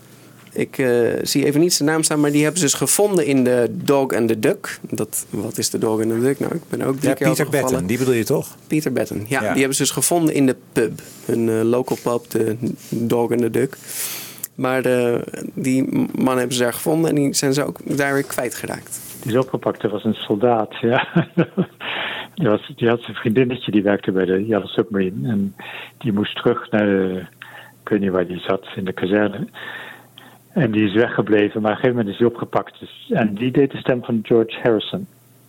En die is toen vervangen door iemand anders. En wat ik zelf wel grappig vond, ik heb nog even naar de DVD eh, van de heruitgave uit 2012 gekeken. En daar zit een interview in van een van die stemacteurs. En die vertelt ook even in één minuutje eh, ja, hoe je met een paar kleine veranderingen van je stem eigenlijk vrij snel alle vier de Beatles eh, kan, kan typeren in de stem. Ehm, want ik moest ook aan denken, uiteindelijk doen hoeveel mensen doen alle stemmen? Eh, Ja, het zijn er drie. Drie, ja, precies. Er zijn één. Welke stemmen worden door één persoon gedaan? Ja, Paul Engels die doet dan eh, en John en George, geloof ik. Ja. Ja, hij doet ook de stem van Ringo. Nee, dus, dus inderdaad, eh, hij doet meerdere stemmen. Ja. Paul Engels is wel echt een eh, goede stemacteur ook. Ja. Nou, laten we even luisteren naar hoe hij dat, eh, hoe hij dat doet eh, in dit korte fragmentje. if you hear all four Beatles speak at the same time, they sound oddly enough so similar. You, you if you had, a, if you listened to the conversation that we did, you can't separate them. So we then set about separating them. So Ringer was the bass. He was down here the whole time, and that was him. And then Paul was up there, and George was somewhere else, and John was down here, sarcastic at the back. But we put them on separate voice levels. And in fact, we didn't imitate their voices. We tried to recreate what we thought were their voices. Because Jeff Hughes, who did Paul, that voice is nowhere like Paul's. And yet it becomes recognizable as Paul's voice because he captures something about him. It kind of like an innocence and a, a simplicity, and at the same time, a wariness that, is not as sarcastic as John Cloud's version of John, because that was always very sarcastic. Grappig. Maar dat is dus, we nog even terugkomen op die Peter Batten was het natuurlijk. Hij eh, werd opgepakt in een kroeg, omdat hij een deserteur was, vertelde Paul Driessen net in het fragment. Ja. Eh, wat doen ze dan? Want hij had al dingen opgenomen. Ja, zeker. En eh, die hebben ze niet overgedaan. Ze zijn gewoon verder gaan. Die Paul Engels, waar we het over hadden, die kon zo goed stemmen nadoen dat hij het maar gewoon eh, heeft afgemaakt. Ik geloof ook dat ze gewoon zoveel tijdnood hadden dat het allemaal maar moest. En Ja. misschien waren er ook al scènes geanimeerd met zijn stem. Ja. Nou, dan moet je het er niet onder vandaan halen om het opnieuw te doen. Dat, dat is natuurlijk zeker toen de tijd een, een hele klus. Ja. De liedjes die ze mochten gebruiken, dat was natuurlijk, eh, ja, ze hadden best wel vrije keus, maar voornamelijk van Sgt. Pepper. En eh, wat wel heel bijzonder is, dat eh, vertelt Brodex nog, dat de Beatles speciaal voor hem vier nieuwe songs hebben geschreven. Ja, voor hem inderdaad. Ja. Toch heel, heel bijzonder. Dat zijn Hey Bulldog, All Together Now, Only a Northern Song en It's All Too Much. Van Only a Northern Song is nog wel heel bijzonder. Die George die liep even weg en die eh, heeft gewoon, gewoon echt dat nummer gewoon gemaakt voor hem in, eh, in no time. Ja, zo ja. eh, zo Zei kijkt Brodex. Er tegenaan, ja. ja. Maar goed, in werkelijkheid natuurlijk weten we allemaal. Dat waren gewoon eh, nummers die nog op de plank lagen. Ja. Only Northern Song was tijdens Sgt. Pepper eh, opgenomen. Niet goed genoeg. En eigenlijk de enige waarvan ik dan vermoed van... misschien is die wel speciaal voor de film gedaan... is Hey Bulldog. Was eigenlijk een beetje zo'n losse track hè, tijdens de eh, Lady Madonna sessies. Ik denk dat John die te- en eigenlijk wel in een laat stadium nog, want dat was in februari 68 is dat opgenomen, eh, heeft geleverd aan de film. Klopt dat dat dat speciaal Ja, is? maar gegeven niet voor de film? speciaal voor die film hoor. Nee? Hij is wel geleverd aan de film, maar eh, ik heb nooit gelezen dat hij echt speciaal. Dat ze aan Lennon hebben gevraagd van maak jij nog even een nummer voor de film. Oké, dat niet. Maar ze bleef wel exclusief voor de film. En dat is natuurlijk wel eh, heel Ja. gek. Dat ze nooit ergens, ja, later wel op een plaats zijn verschenen. Maar... Op de Yellow Dus ja, daarom vonden de Beatles echt eh, ja, een paar van die aftankertjes. eh. Ja. Wie eh, niet aftankertjes heeft gemaakt, dat is natuurlijk George Martin. Ja, George Martin. Ja, de hele, hele kant B gevuld natuurlijk met eh, klassieke muziek. Nou, heel grappig. Daar heb ik ehm, vorige week met eh, mijn Radio 4-collega Jet Berghout... een 20 minuten durend gesprekje gehad over de score van George Martin. Dus daar laten we nu even naar gaan luisteren. Ik zit hier eh, samen met Jet Berghout om te praten over de Yellow Submarine soundtrack score van eh, George Martin. Die jullie natuurlijk allemaal kennen van eh, de kant B van de plaat Yellow Submarine. Ik weet nog zelf dat ik ehm, toen ik klein was een keer zakgeld kreeg. Een heel erg zuur verdiend zakgeld. En een plaat van de Beatles wilde kopen. En natuurlijk als kind ben je dan heel erg aangetrokken tot die getekende hoes. En toen dacht ik, ja, die wil ik hebben. Leuk. Cartoon, eh, strips, daar hield ik ook van. En toen zette ik dat op. En eh, nou, kant 1 was oké. Kant 2, my god, wat een teleurstelling. Want het was gewoon één groot klassiek stuk waar ik helemaal niks mee kon. Het was echt vreselijk. dus eh, ja, en jaren later las ik een quote van John Lennon die zei van eh, eh, over deze kant B van George Martin recorded all this terrible shit that went out with our LP, you know. If you check it out, it's a whole sort of joke. Ja, nou ja, is het een grap? Is de vraag. Daarom heb ik Jet even uitgenodigd. Je eigen jingle. Oh, mag ik niet meenemen? Ja, die mag je meenemen, Jet. Eh, ja, Jet Berghout. Het is eh, een, een collega van mij bij eh Afrotros Radio 4. Hè, presentatrice van de Muziekfabriek op vrijdag. Je bent betrokken bij Goedemorgen Met, geloof Ja, ik ook op Radio 4. En als je podcastluisteraar bent, dan ken je haar misschien van ehm, Beethoven is meer dan een hond. Ja. Want wat is dat precies, Jet? Dat is eigenlijk een spoedcursus klassieke muziek. Dus als je iets meer wil weten over klassieke muziek, maar je weet niet waar te beginnen, dan kun je vijf afleveringen luisteren. Het zijn vijf afleveringen. Ja. En dan kun je meepraten. Dus dan weet je iets van het, eh, ja, het woud van de klassieke muziek. Waar, waar te beginnen? Wat, wat is het verschil? Ja. Eh, ja. Ja, echt heel leuk gedaan. Ik heb ze allemaal geluisterd. Dus dat is echt, eh, ik ben een leek op klassieke muziekgebied. Dus Het echt, dan echt voor jou Ja. gemaakt. Echt een aanrader. Maar in ieder geval, wij, ik heb jou even gevraagd om, om die muziek van George Martin een beetje te duiden. Omdat ik al zei, van, ik heb er zelf geen verstand van. Ehm jij hebt ernaar geluisterd. Ehm, even heel kort, hè, meteen maar met de deur in huis. Ben je het met John Lennon eens? Is het terrible shit? Nee, maar het is wel wat. wat zei John Lennon dat nou of zei jij het? Dat Nee. het een grap is? Ja, dat zei John Lennon. Ja. ja. Nou, het, er zitten wel heel veel grapjes in, muzikale grapjes. Ik vind helemaal geen terrible shit. Nee, ik vind het te gek. Te gek. En super knap gemaakt. Ja, nee. Ah, kijk. Ik, eh, ik vind het echt een ontdekking. En waar zit dat in ik dan? denk dat als ik eh, zo oud als jij was geweest, dat ik heel erg blij Eh, met de B was en heel erg had gebaald van die A-kant. Goed. ja, precies. Ja. Ehm, ja, sowieso, je, je hoort dat hij het echt kan. Hij is van oorsprong is hij pianist en hoboïst, klassiek Ja. opgeleid. Hij kan ongelooflijk mooi orkestpartijen maken, orkestreren, arrangeren. Dat vind ik echt een feest om naar te luisteren.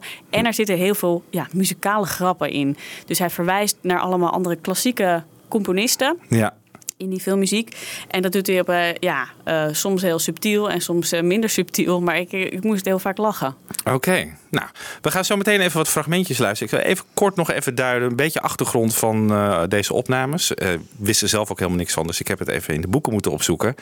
Ehm, deze opnames zijn gemaakt op eh, 22 en 23 oktober 1968.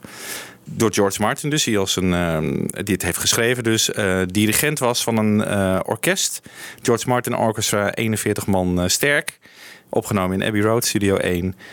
En opvallend is wel, de première van de film, waar die muziek dus in zit, die was al in juli, op 17 juli. En dit, dit was dus opgenomen in oktober. Dus ik dacht, ja, hoe zit dat nou dan? Nou, deze score is dus apart weer heropgenomen. Eh, voor eh, CD of eh, LP in die tijd natuurlijk. Dus de, film, de muziek die je in de film hoort is dus anders dan die op de plaat staat. Een beetje gek. En weet je wat het verschil is?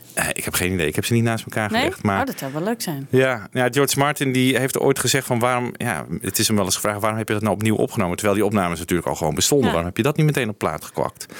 Hij zei van, it was more convenient to do so and no more costly since the original orchestra would have had to be paid twice anyway if we had used the soundtrack for the record. Dus hij moest dan, denk ik, want het was met een London Symphony Orchestra opgenomen. Mhm. Die oorspronkelijke opnames. Die hadden dan geld moeten krijgen. En nu heeft hij het met zijn eigen orkest opgenomen. Ik denk dat het gewoon financieel aantrekkelijker was om het opnieuw op te nemen. Ja, en ik kan me ook voorstellen dat hij dan niet met zo'n clicktrack met de beelden mee hoeft eh, te gaan. Dus dat hij het dan heel muzikaal, Ja. dat hij het gewoon lekker helemaal vrij kon eh want hij heeft wel met de clicktrack, eh, dat heb ik ook gelezen, dat hij dat met de clicktrack heeft opgenomen inderdaad. De eerste versie. Ja, precies. Dus echt En- met de beelden ja, erbij. en de tweede kon hij natuurlijk helemaal met zijn George Martin visie doen. Zonder, zonder de beelden. Ja. Maar hoe werkt dat met een clicktrack dan? Eh, Nou, dat is eigenlijk eh, heel kut. Sorry, ik het zeggen? ja hoor. Ja? Nou, nee, dan moet je als dirigent, word je dan eigenlijk word je een soort metronoom. Dus dan ben je ondergeschikt aan de beelden of de clicktrack. Daar zijn dan die beelden op gebaseerd. Het is echt een kunst om, om op film te dirigeren. Maar Mhm. de, de muziek dient dan de beelden.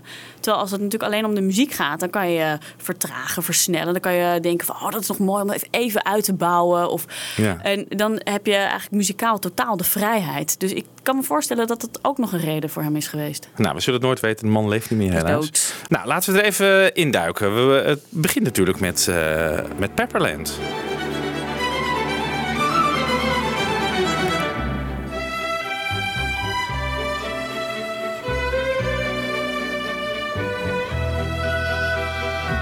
Opvallend, hè? Dat er al een Die hobo, hè? Ja. Wist je dat het eh, instrument is waar hij het allereerste les op heeft eh, Dat gehad? was ik. Ja, ja. het verbaast me niks meer. Ik hoor heel veel hobo's in zijn- Ja, hè? Grappig. Hij heeft dus les gehad van eh, mevrouw Asher. Dat zegt jou waarschijnlijk niks. Maar dat was de... destijds had Paul McCartney een relatie met Jane Asher. Dat was de moeder van, van Jane. Die heeft George Martin dus voordat Paul en Jane wat met elkaar kregen... heeft hij eh, George Martin dus les gegeven. Dus er zat weer een kleine connectie eh tussen twee. Lekker nerdig dit, hè? Ja, dit, en sorry als we dat nu nog Ja? luisteren. Dit is Mozartiaans. Ah, dat Ja. pianootje. ja, en daarvoor ook met een te strijk kwartet. En dan komt het later dat nummer nog terug in de hoorns.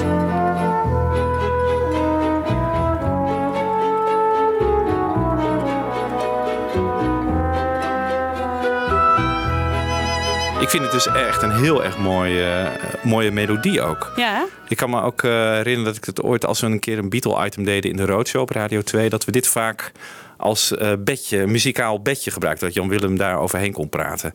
Ja, Eh, een heel goed idee. ja, ja. het is een hele mooie melodie, vind ik. eh. Ja, en dat is dus volgens mij geïnspireerd. Maar ik, ik hoor ook ehm, eh, invloeden van Chopin en Rachmaninoff. Maar het meeste heb ik het gevoel bij Mozart. Ik, ik, ik zat heel erg te zoeken naar waar het thema precies vandaan kwam. En ik heb het nog eh, aan een collega van Radio 4 gevraagd. Toen kwamen we er allebei niet helemaal uit. We gingen ook eindeloos in discussie. maar dat, dat, dat, eh, die indruk heb ik erbij. Oké. Ja. Mozartiaans. Oké, nou, we hebben ook nog eh Sea of Monsters. En dan wordt het wel wel leuk voor jou, Jet, weer. Ja, want hè, ja, ja, daar zit een strofe van Bach's. Air on the G-string. Dat, dat is dus wel de categorie eh, eh, van dik hout zag- met planken humor. Toch leuk. Zullen we even, Ik heb namelijk even het gedeelte uit George Martin's score gedaan. En daarna even het van Bach. Oh ja.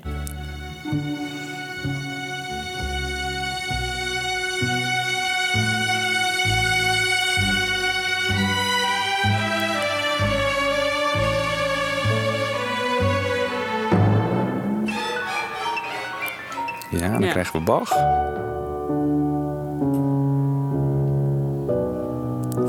Je hebt een pianoversie genomen, Wibo. Is dat eh, vloeken in de klassieke kerk?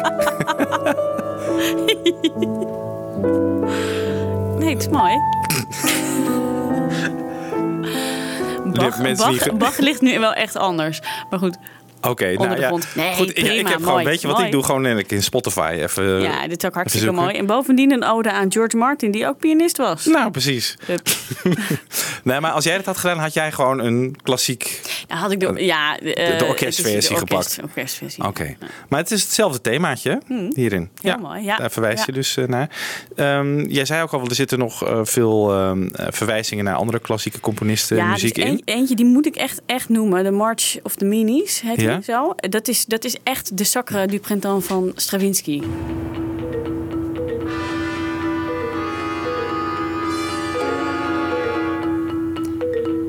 Nou, Even wachten. Ja, kijk. Komt hij al, komt hij al bijna aan? Ja.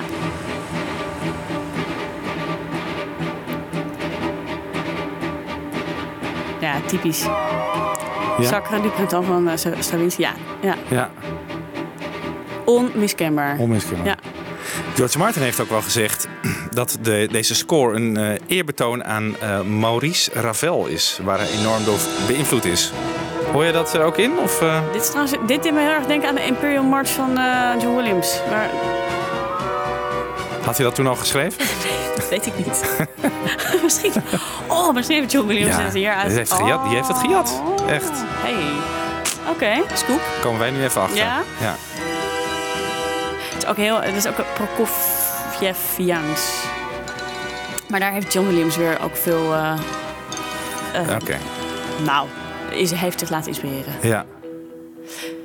Oké, wat grappig. Er zitten dus een hoop verwijzingen in. Maar, die, ja, maar Ravel, ja. Ehm, ik had er niet meteen aan gedacht, moet ik zeggen. Wat, eh, heeft, heeft George Martin dat over al deze muziek over gezegd? deze hele Yellow Submarine score heeft hij dat gezegd. Oh, ja. ja. Het grappige is bij Ravel, die heeft niet van die enorme eh, herkenningsmelodieën. Dit, kijk, dit zijn echt hele duidelijke verwijzingen. Dus dit, dit Ja. zijn echt gewoon eh, thema's. En bij Ravel zit het waarschijnlijk meer in de orchestratie en, de, en het klankbeeld. En dat, dat zou je zeker kunnen zeggen. Het was me niet, ik was er niet zelf opgekomen, moet ik Nee. zeggen. Oké. Maar ik, ik kan het Maar het is dus wel gebruikelijk om in de klassieke muziek ook wel dat soort grapjes te zetten of verwijzingen naar andere componisten. Of is het echt specifiek dit? Nee, ja, nou, nee, het gebeurt wel. Nee, dat doen de componisten vaker. In popmuziek ja. gebeurt het namelijk eh, heel regelmatig om gewoon een, eh, een riffje of een tekstregel Ja. uit een ander nummer Nee, te pakken. het gebeurt va- vaker als een soort ode. En Ja. in, die, in die zin heeft hij dat, eh, heeft hij dat heel mooi en, en leuk en knap gedaan. Ja, ik, vind- ik, vind, ik hou er heel erg van. Ja, oh, wat leuk om te horen zeg. Ja. Ja, en ik vind het ook gewoon als filmmuziek vind ik het ook echt te gek. Ik vind het echt zo. Ik bedoel, hij natuurlijk, dit zijn, dit zijn echt hele duidelijke verwijzingen. Maar ik vind eh, zijn muziek, eh, even als Ja. George Martin, dat vind ik ook echt te gek. Dat moet ik ook even gezegd. Want, eh, Ja, het, is, het klinkt wel heel filmisch inderdaad. En, Ja, als je de zo- beelden erbij ziet, het past perfect. Ja, en die orchestratie is ook echt fantastisch. Ik, ik, dat is wel echt, echt spe- ik vind het echt, echt geweldig om naar te luisteren. Dus ja, ik, Ja. ik ben, ik ben wel fan. Je bent fan. Oké. Ja, want jij kende dit al wel van tevoren, toch? Er was een Ja, CD, is er uitgebracht? Vertel even. Ja, toevallig, er is eh, volgens mij een, jaar geleden is er een cd verschenen van, ehm, ja, volgens mij voornamelijk filmmuziek van George Martin, maar ook muziek inderdaad die hij heeft eh, geproduceerd of georchestreerd of gearrangeerd. Ja. Bijvoorbeeld Eleanor Rigby is natuurlijk heel bekend. Ja. Dat, daar heeft hij eigenlijk het hele strijkkwartet is van zijn hand. Ehm, Ja. Maar er stond volgens mij ook Live and Let Die op. En Oh ja, ja. ehm, de filmmuziek voor James Bond die die schreef. En, eh, en dit dus ook. En hij heeft ook nog een paar orkestsuites geschreven. Volgens mij is er een Pepperland Suite. Staat Ja, erbij. Dat komt me wel bekend Ja. voor. Ik Pepperland te denken of dat, of dat dit dan was. Dat weet ik eigenlijk niet meer zeker. Maar toen heb ik... Het grappige was, toen eh, dacht ik... eh, George Martin, wie is dat? Toen heb ik me er even in verdiept. Toen dacht ik, nou, wat, wat tof. Waarom weet ik dat niet? Die heeft fantastische dingen geschreven. Ja, als je alleen maar in de klassieke muziek zit... dan, dan mis je dat soort dingen. En... eh, toen hadden wij het hier over, over deze B-kant. En toen ging ik me erin verdiepen. En toen dacht ik, George Martin, oh wat tof. Waarom weet ik dat niet? Tot ik ineens die cd zag en dacht, oh, dat is, dit, dat is dezelfde. Wat tof, waarom weet ik dat Ja. niet, man? En nu zal ik hem nooit vergeten. Draaien jullie op Radio Nee. 4 wel eens eh, iets van hem? Ja, eh, nou toen heb ik het dus gedraaid. En ik ga het nu weer doen. Je gaat het weer doen? Ja, eh, binnenkort op 4. George Martin, Hoppakee. eerbetoon. Yes. En die A-kant, die zal ik ook nog eens een keer gaan luisteren. Ja, nou ja, het, goed, het is niet de sterkste eh, kant Nee. van hem. Het is eigenlijk geen officiële Beatle-plaat in zoverre dat de Beatles daar niet eh, aan gewerkt hebben als zijnde we gaan nu een nieuw album maken. Het is eigenlijk een beetje een samenraapsel van, Eh, nou, Yellow Submarine was twee jaar daarvoor al op Revolver verschenen. All You Need Is Love staat erop. Was al single geweest een jaar daarvoor. En er lagen een aantal liedjes gewoon op de plank. waarvan van ze zeiden van nou, aan de filmproducers van als je ze wil gebruiken, dan hier heb je ze. In godsnaam dan ja. maar... eh, En toen hebben ze dat gewoon op een soundtrack LP gekwakt. En ik geloof zelfs, weet ik niet zeker hoor, maar dat de Beatles zelf niet eens wisten dat kant B helemaal van George Martin was. nou ja. Hey, ik wilde nog wa- even. Wat ja? vind jij er nu van? Als je er nu, want toen, toen, toen je zeven was, toen dacht je. ja, toen begreep ik helemaal nee. niks van. Nee. En hoe luister je er nu naar? Ja, ik ben sowieso niet zo'n hele erg klassieke muziekluisteraar, moet ik zeggen. En daar vond ik die, jouw podcast al wel heel erg leuk. En om dus even te kijken van, nou, wa- waar luister ik eigenlijk naar? Ik vind het nu wel, dit vind ik wel heel mooi. En ik kan wel gewoon eh erin horen eh, dat het filmmuziek is. Omdat er echt van die gekke... Van dat soort plunkgeluiden. Ja, ja. dan denk je echt, oh, hier is eh, actie op beeld aan, aan de hand. Ja, ik vind het, en Pepperland vind ik echt het allermooiste van... dat heb ik altijd al wel een beetje mooi gevonden. Dat stond natuurlijk helemaal aan het begin van kant B. Hè, toen, Ja. Dat ken ik waarschijnlijk ook. zet omdat ik, natuurlijk als eerste op, ja. en toen was het na drie minuten, dan zet ik de LP altijd af. Dus ik heb heel lang alleen maar dat gekend, dat nummer. Maar Sea of Monsters trouwens vond ik ook wel grappig. Daar las ik over dat ehm, eh, George Martin eh, een soort backwards effect met het orkest wilde maken. Omdat er ehm, in de film dan zit er een, op een gegeven moment zo'n soort monster. Zonder armen en met hele grote eh, laarzen. En met een soort, in plaats van een neus, een hele lange snuit. Die alles opzuigt wat er om zich heen eh, afspeelt. Dus die zuigt eh, andere eh monstertjes op, andere tekenfilmfiguurtjes. Maar ook op een gegeven moment het hele scherm. Dus echt een all-sucking monster. en George Martin moest daar dus muziek op schrijven. En toen dacht hij van, ja, hoe ga ik dat in godsnaam doen? En toen dacht hij van ja, ik heb met de Beatles natuurlijk ben ik jarenlang aan het experimenteren in de studio en ook heel veel dingen achter voor opgenomen. En het klinkt in mijn oren wel iets als dat iets dat achteruit gespeelde muziek, dat het ook een soort zuigend effect heeft. En toen heeft hij dus eh, het orkest op een gegeven moment eh, heeft hij dan die opname heeft hij omgedraaid en het zit nu in Sea of Monsters.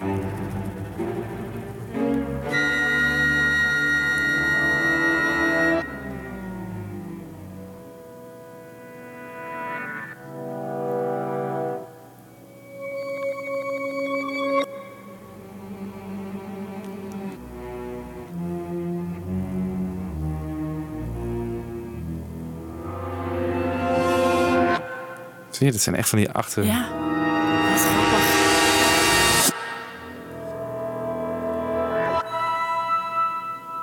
Ja, wat grappig. En toen heb ik dat dus even achterstevoren weer gezet. Ja.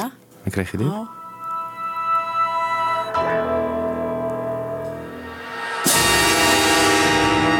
Zo is het dus oorspronkelijk Zo, opgenomen. Ja.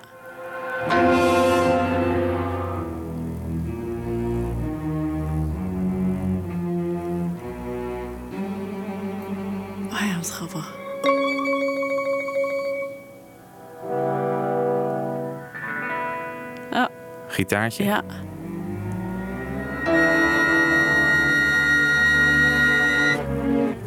Dat is wel grappig. Dat viel me überhaupt op. Ook bij ehm, Sea of Holes. Dat Ja. die George Martin is ook du- zo duidelijk bezig met sound, met geluid. Ja. Dat heb je, ja, bij de klassieke componisten is dat natuurlijk helemaal geen factor. Dat zie je wel bij hedendaagse filmcomponisten, dat die dat, daar ook gebruik van maken. Maar vaak was het of het een of het ander. En, en dat vind ik wel tof bij die George Martin. Die is er eigenlijk heel vroeg mee, omdat hij natuurlijk als producer werkte en Ja.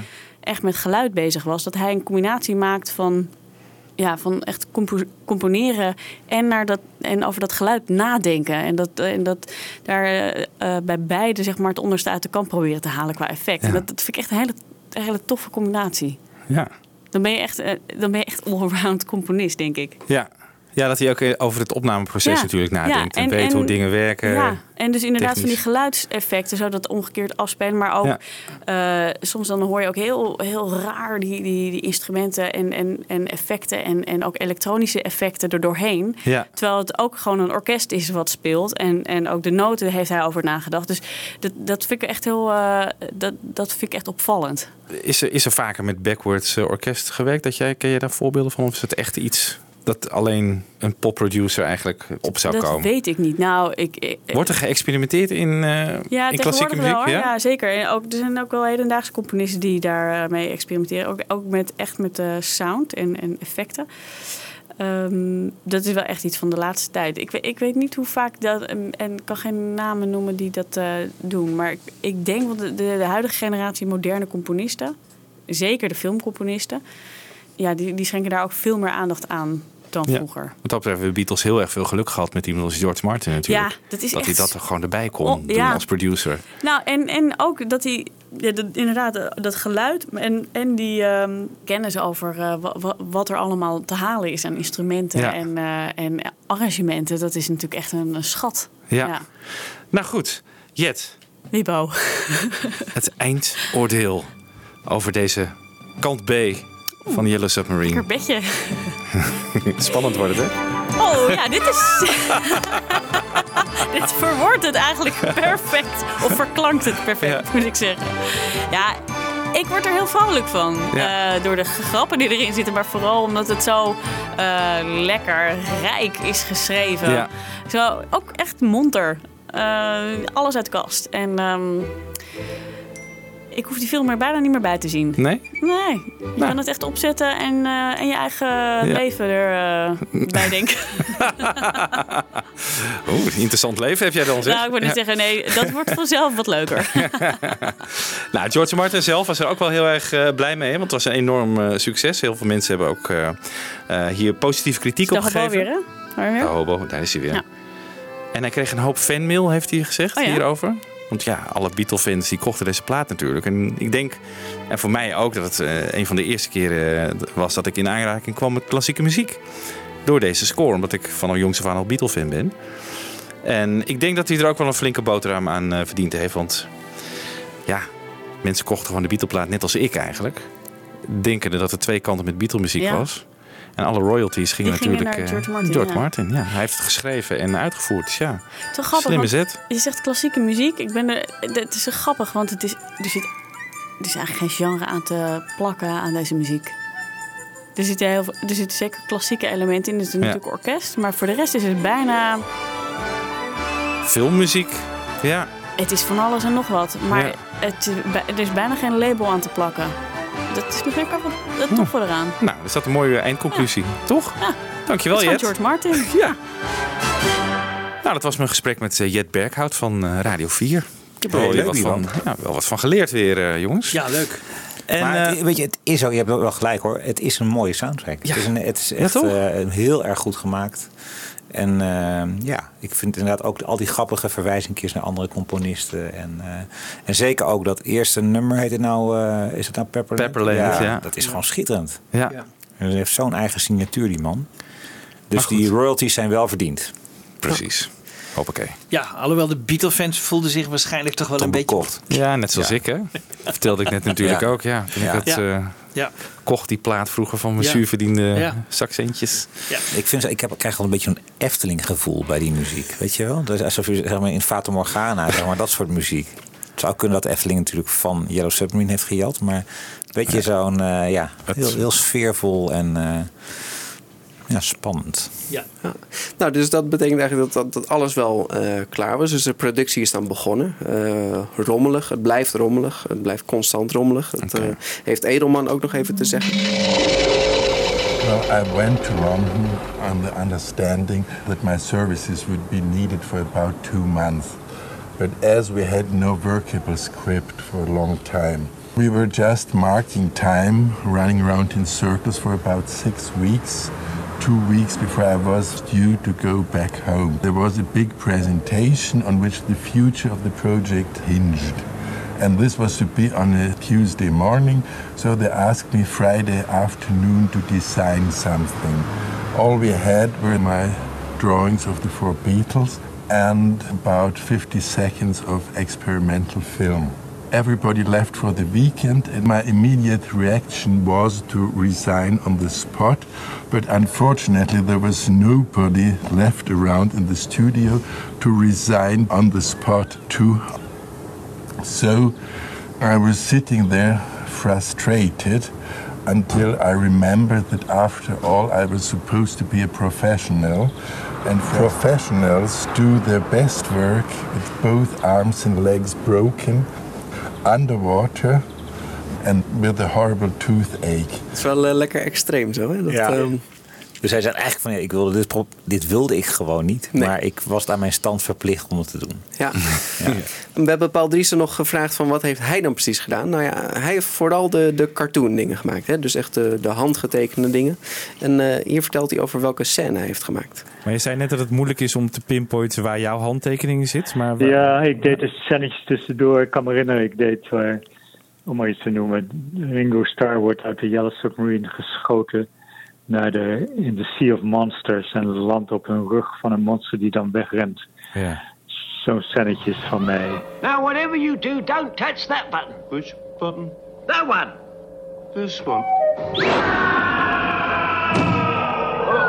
that was the panic button.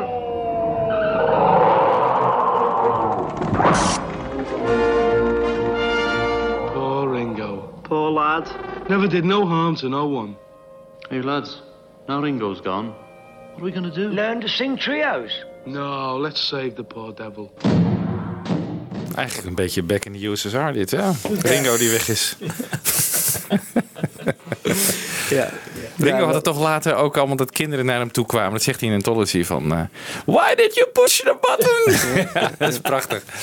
Ja, ja dus dat was wel, eh, wel ontzettend leuk eh, achteraf. Maar tijdens de productie eh, was eigenlijk alleen eh, Paul McCartney een beetje te vinden. En daar heeft eh, Paul Dries ook nog wel wat over te zeggen. Paul McCartney heb ik wel eens ontmoet. Die kwam in het begin een keer langs, kan me herinneren.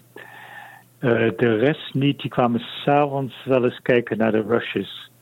Maar daar merk je niks van. Die kwamen dan donker, want ze waren veel te populair om, om bij licht te verschijnen.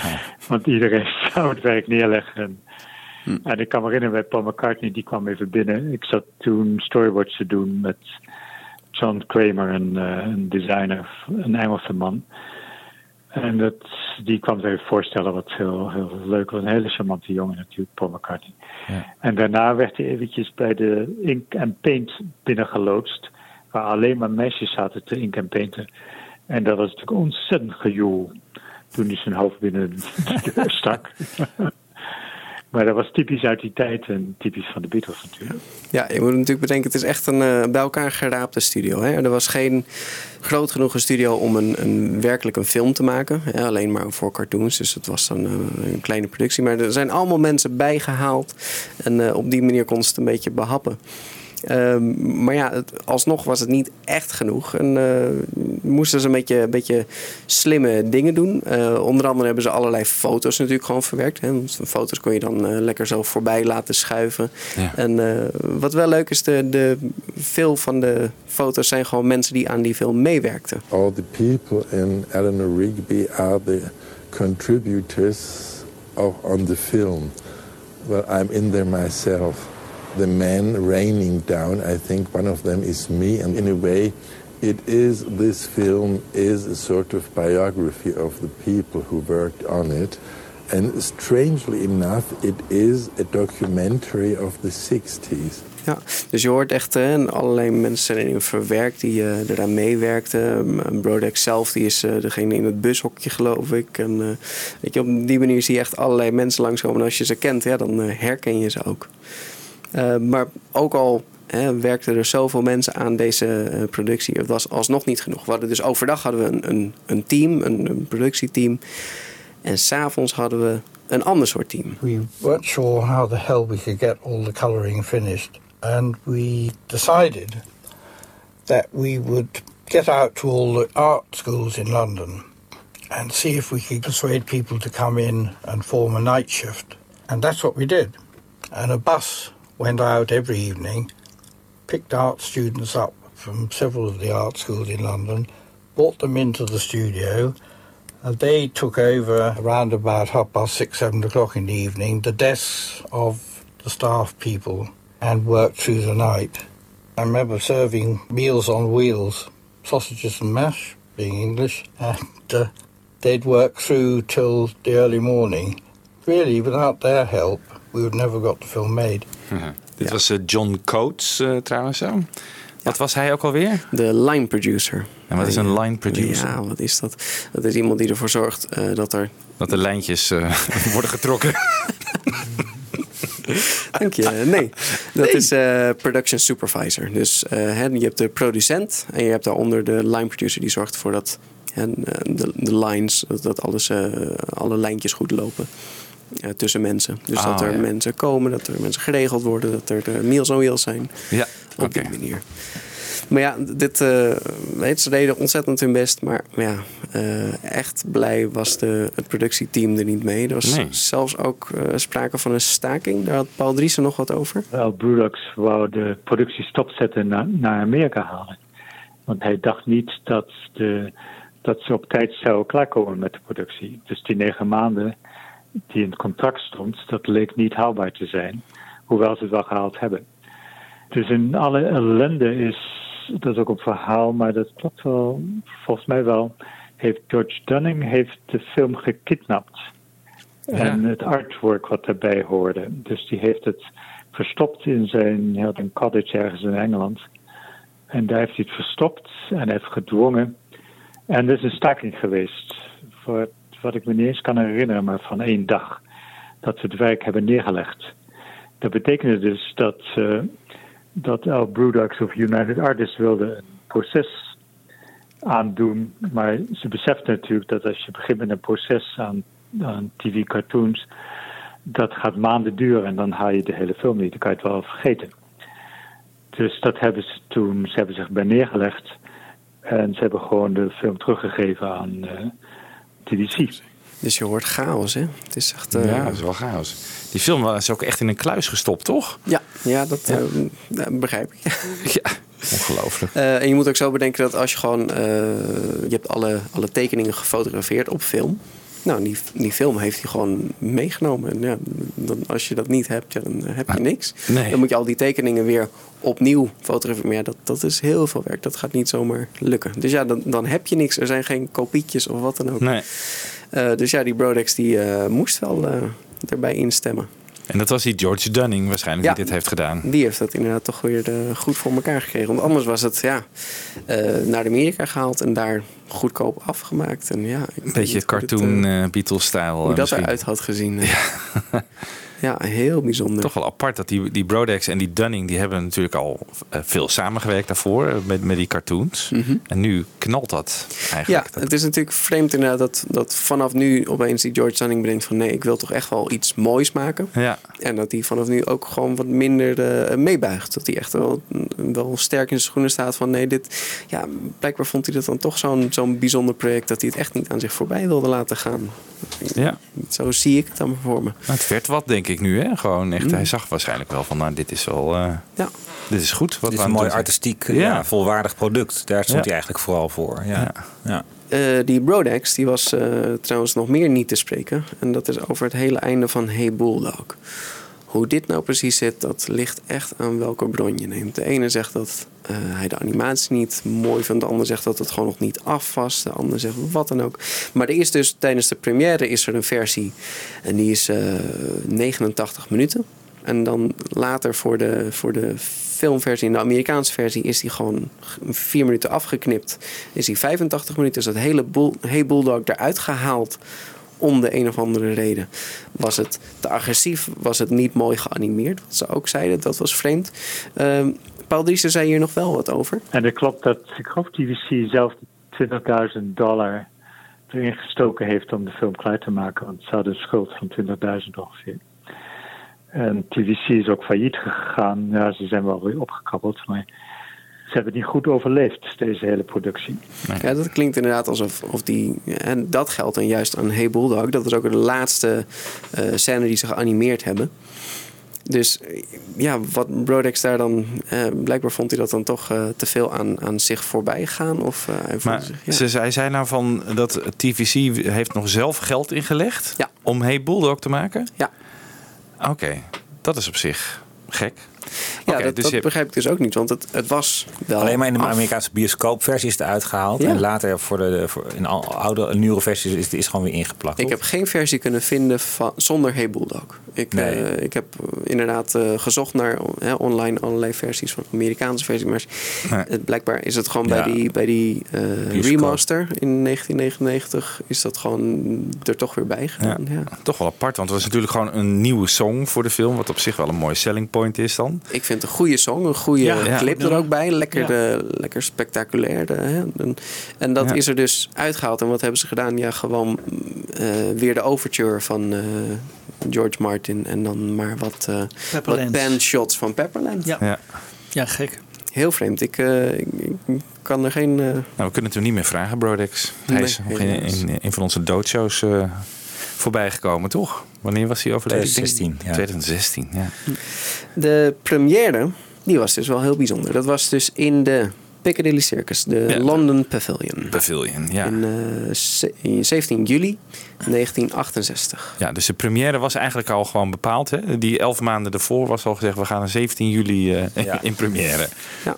Ja, En eh, iedereen was uitgenodigd, allerlei eh, bijzondere mensen, maar de stemacteurs die niet. Die stemmen zijn ook niet, die wilden ze niet uitnodigen bij de première, omdat ze niet wilden dat de mensen wisten dat, ehm, dat de Beatles stemmen niet de Beatles stemmen waren, dat het van acteurs was. Oh. Dus dat wilden ze ge- geheim houden.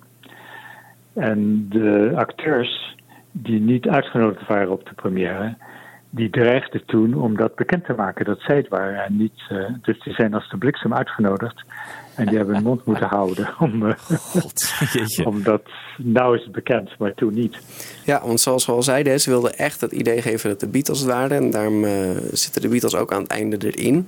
Of ze dat zelf wilden, omdat ze de film zo goed vonden, dat zeggen sommige mensen. eh, of omdat eh, de producent dat wilde, om dan nog even echt de Beatles-stempel erop te drukken. Dat is een beetje onduidelijk. Maar het is wel echt een totaal aangeplakt ding. Hè? Het is, eh, die stemacteurs moesten zoveel mogelijk vergeten. Nee, het zijn echt, echt de Beatles, die hebben het allemaal bedacht. Hè? Die hebben meegewerkt aan het script, hebben ideeën erin gestopt. Maar ja, het is, het is, ja dat stukje, het, het, het heeft niks te maken met de film of wat dan ook. Ja, ze, ze maken wat grapjes. Er lag nog een idee met, hè, dan zouden ze het filmen en dan zouden ze de achtergrond vervangen door Pepperland. Dat ze nog mooi in zo'n eh, getekende wereld staan. Maar Ja, nee, het is op het zich is- wel gek, want het is tegen een zwarte achtergrond. En ze hebben allemaal allemaal donkere kleren. Donkere kleren, Ja. kooltraadjes Ja, aan. met het idee dat er later tekeningen op zouden komen. Ja. Ja, en dan, eh, dan doen ze maar wat grappigs. Ja, dit is het, eh, het stukje. They said you've got to be in at the end of it. Yeah, it was a great party. And we brought back lots of lovely souvenirs. That was the uh, the way of doing it was ham it up. Here is the motor. And I've got a little love. We always had that looseness between us that we could, if somebody went off, we could all join in on that. And I've got a hole in my pocket. But the hole in my pocket. We just spoofed it in the end. It's like, oh, I've got a hole. Oh, a hole to Fix it uh, to keep his mind from wandering. hey, look at John, will ya? Yeah, he doesn't have to do anything. John just looks through this thing, which is great. Nice and easy. Newer and bluer meanies have been sighted within the vicinity of this theatre. All in the day's work for a Fab Four. Ja, you need to be in it at the end. Ja, dus blijkbaar eh, kwam het niet echt vanuit hunzelf. Wat je dan toch wel heel vaak leest. En, eh, Ja, maar volgens mij had het dat dus met dat contract te maken. Van Ja. de echte Beatles moeten ook te zien zijn in de film. ja. Ja, ja. Dus het was gewoon een trucje. Ja. Wat ik verder geniaal vind, is dat in deze interviews hoor je dan. eh, kijk, ze spelen natuurlijk zichzelf aan het einde. Maar dan als ze het nu hebben over dat stukje waarin ze zichzelf spelen, dan, dan gaan ze hun accent aandikken. Oh ja? Ja, dan zegt hij opeens: Oh, I've got a hole in my pocket. Ja. Wat is dat? dat? Hij spreekt daar gewoon als Ringo. En nu opeens, eh, als hij zichzelf dan gaat nadoen, dan is dat blijkbaar extra, extra accent. Ja, heel, eh, heel grappig om te horen. Die eh, première ging trouwens eh, in Engeland op zich goed. Dus de, de première zelf. Maar de, de film, ja, niet echt. De première was fantastisch, heb ik gehoord. Was vol met alle bekenden natuurlijk, met eh, Eric Clapton en Mary Hopkins en dat soort jongens. Iedereen kwam daarbij. Eh, James Taylor, eh, weet ik het, alle groot uit de muziekwereld. En allemaal gekleed in het geel, yellow. En er was één groot succes, een hele oploop natuurlijk. Maar de film zelf ook in Nederland, hij draaide maar twee weken. En ik zat toen in Nederland en ik dacht van... misschien vinden ze het wel leuk om te weten dat ik daar meegewerkt heb in die tijd. Dus ik belde de bioscoop op, maar die hadden geen enkele interesse in mij om, om daar iets aan te doen ook. En die film liep niet goed, hoewel de Beatles heel populair was. En, dat, en pas vier maanden later werd de, de film een groot succes in de, in de States. En daar heeft hij het heel goed een soort cultfilm geworden. Die elk jaar met rond Christmas of zoiets eh, begon te draaien. En daar is hij heel populair geworden. Maar ook in Engeland liep hij niet erg goed. Nee, dus de film is eigenlijk niet echt een succes. Het is een, eh, de studio is eronder gegaan. Eh, ze hebben geen vervolgen meer gemaakt. Eh, de Beatles zijn ook al lang verder. En ja, deze film is er dan nog. Een soort raar eh, geconserveerd eh, tijdsbeeld. En blijkbaar, ja, dus in Amerika wel een succes. Eh, hoe dat dan komt, ja, toch, we hebben het erover gehad. Hè, dat Amerika vond de Beatles wel heel leuk. En vooral Ringo, ja, dat is dan de hoofdpersoon in de film. Dus ja, dat, Ja, die waren de cartoons al gewend, eh, denk ik. Hè? dat zou ook kunnen. Ja. Ja. Ja, ook gek dat George Martin pas ook maanden later met die LP uitkomt. Hè? Dus eh, dat, dat Ja, niet gelijkertijd met de Januari, première. toch? Ja. 69, Ja. zoiets. Ja. ja. Dus eh, hè, niet gelijk met die première, wat meestal gebeurt hè, bij een film. Dan wordt de soundtrack eh, ogenblikkelijk uitgebracht als de film eh, uitkomt. Ja. Maar hier niet. Dit is eh, ook weer heel gek. Ja, wat, eh, wat wel zo is, is dat de film een beetje een, een, een soort kickstart is. Hè.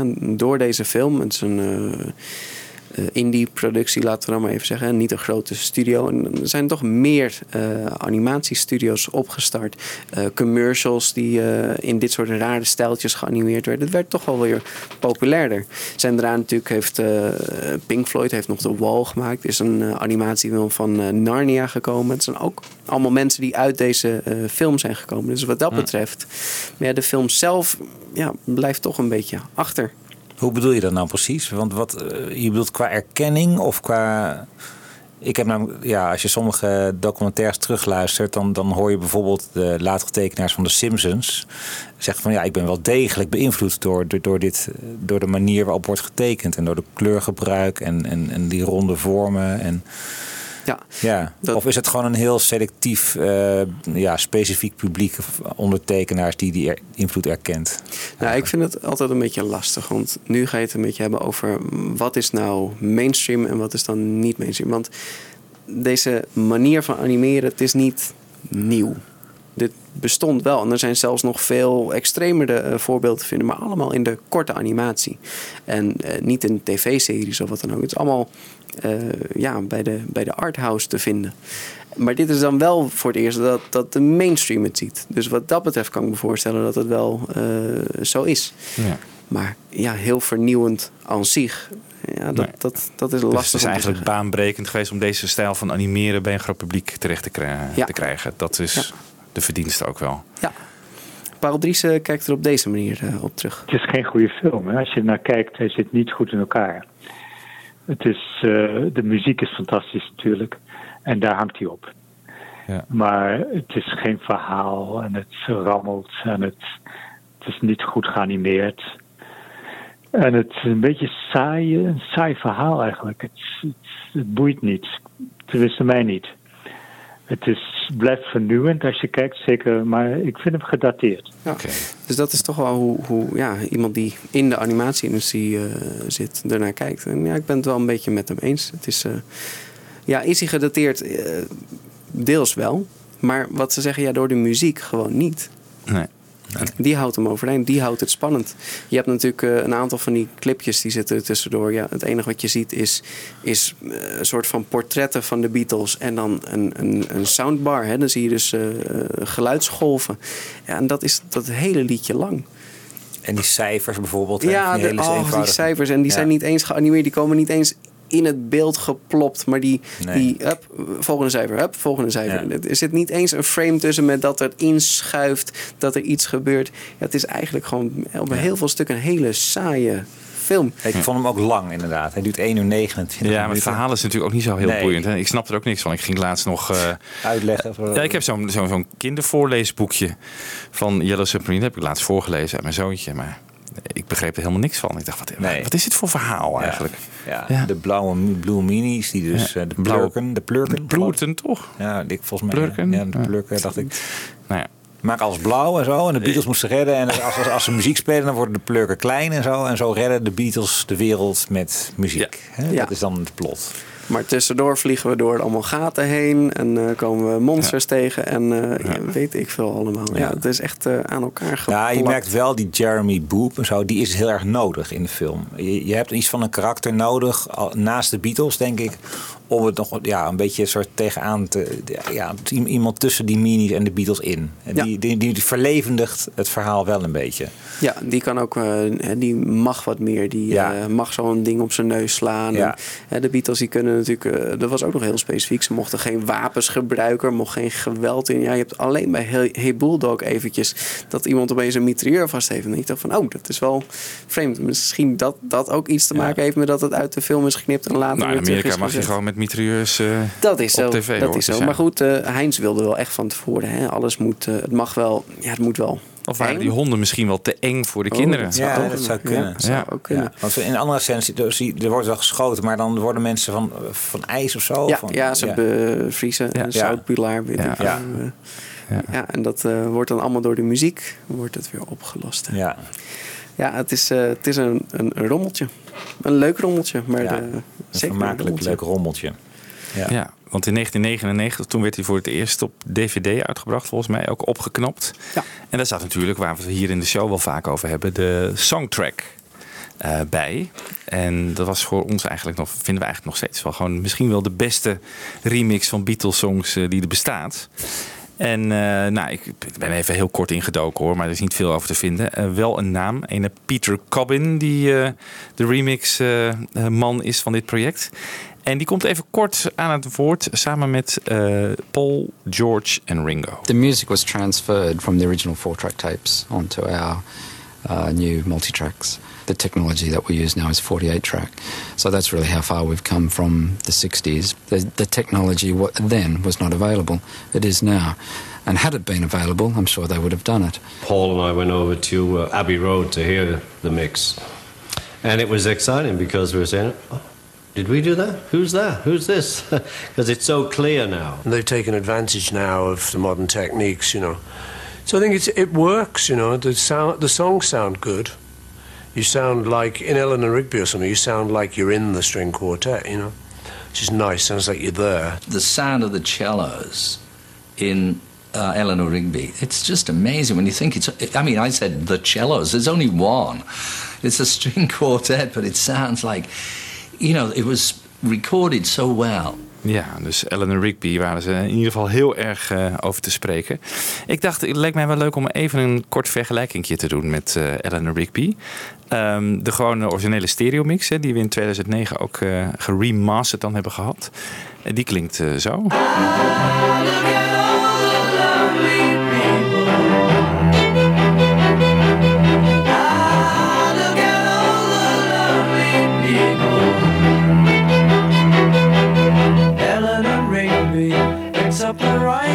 A church where a wedding has been. Lives in a dream, waits at the window. Ja, toen hadden we natuurlijk in 2015 de OnePlus eh, remix. Eleanor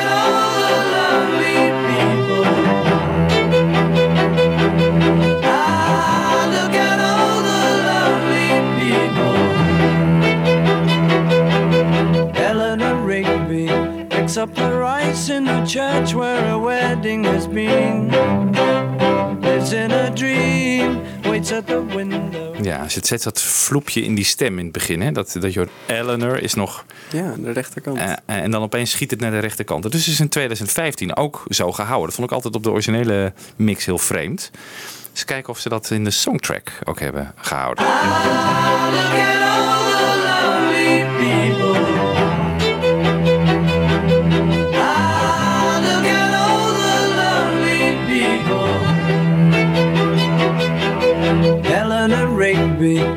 Up the rice in a church where a wedding has been.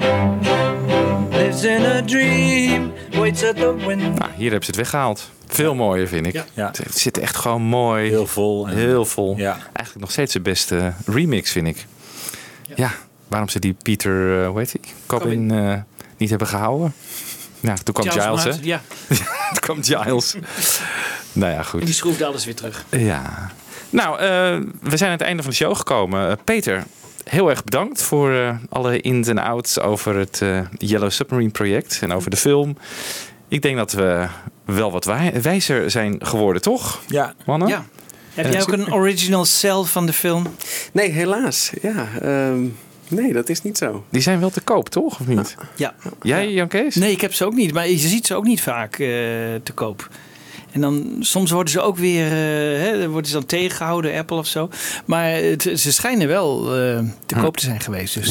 Nou, wat in ieder geval zo is, en dat hebben we nog niet echt gezegd, maar eh, dat, dat Yellow Submarine als Beatles beeldmerk onovertroffen Ja, is. Hè? Ik de is- merchandise. ja, Ja. ja. Toch Ja. het, het man- de manier, ik bedoel, je kan zeg maar als leger van een willekeurige staat in, in, in de wereld niet een onderzeeër geel verven zonder, dat iemand- zonder dat iemand aan de Beatles gaat denken. Ja. Dus, Ja.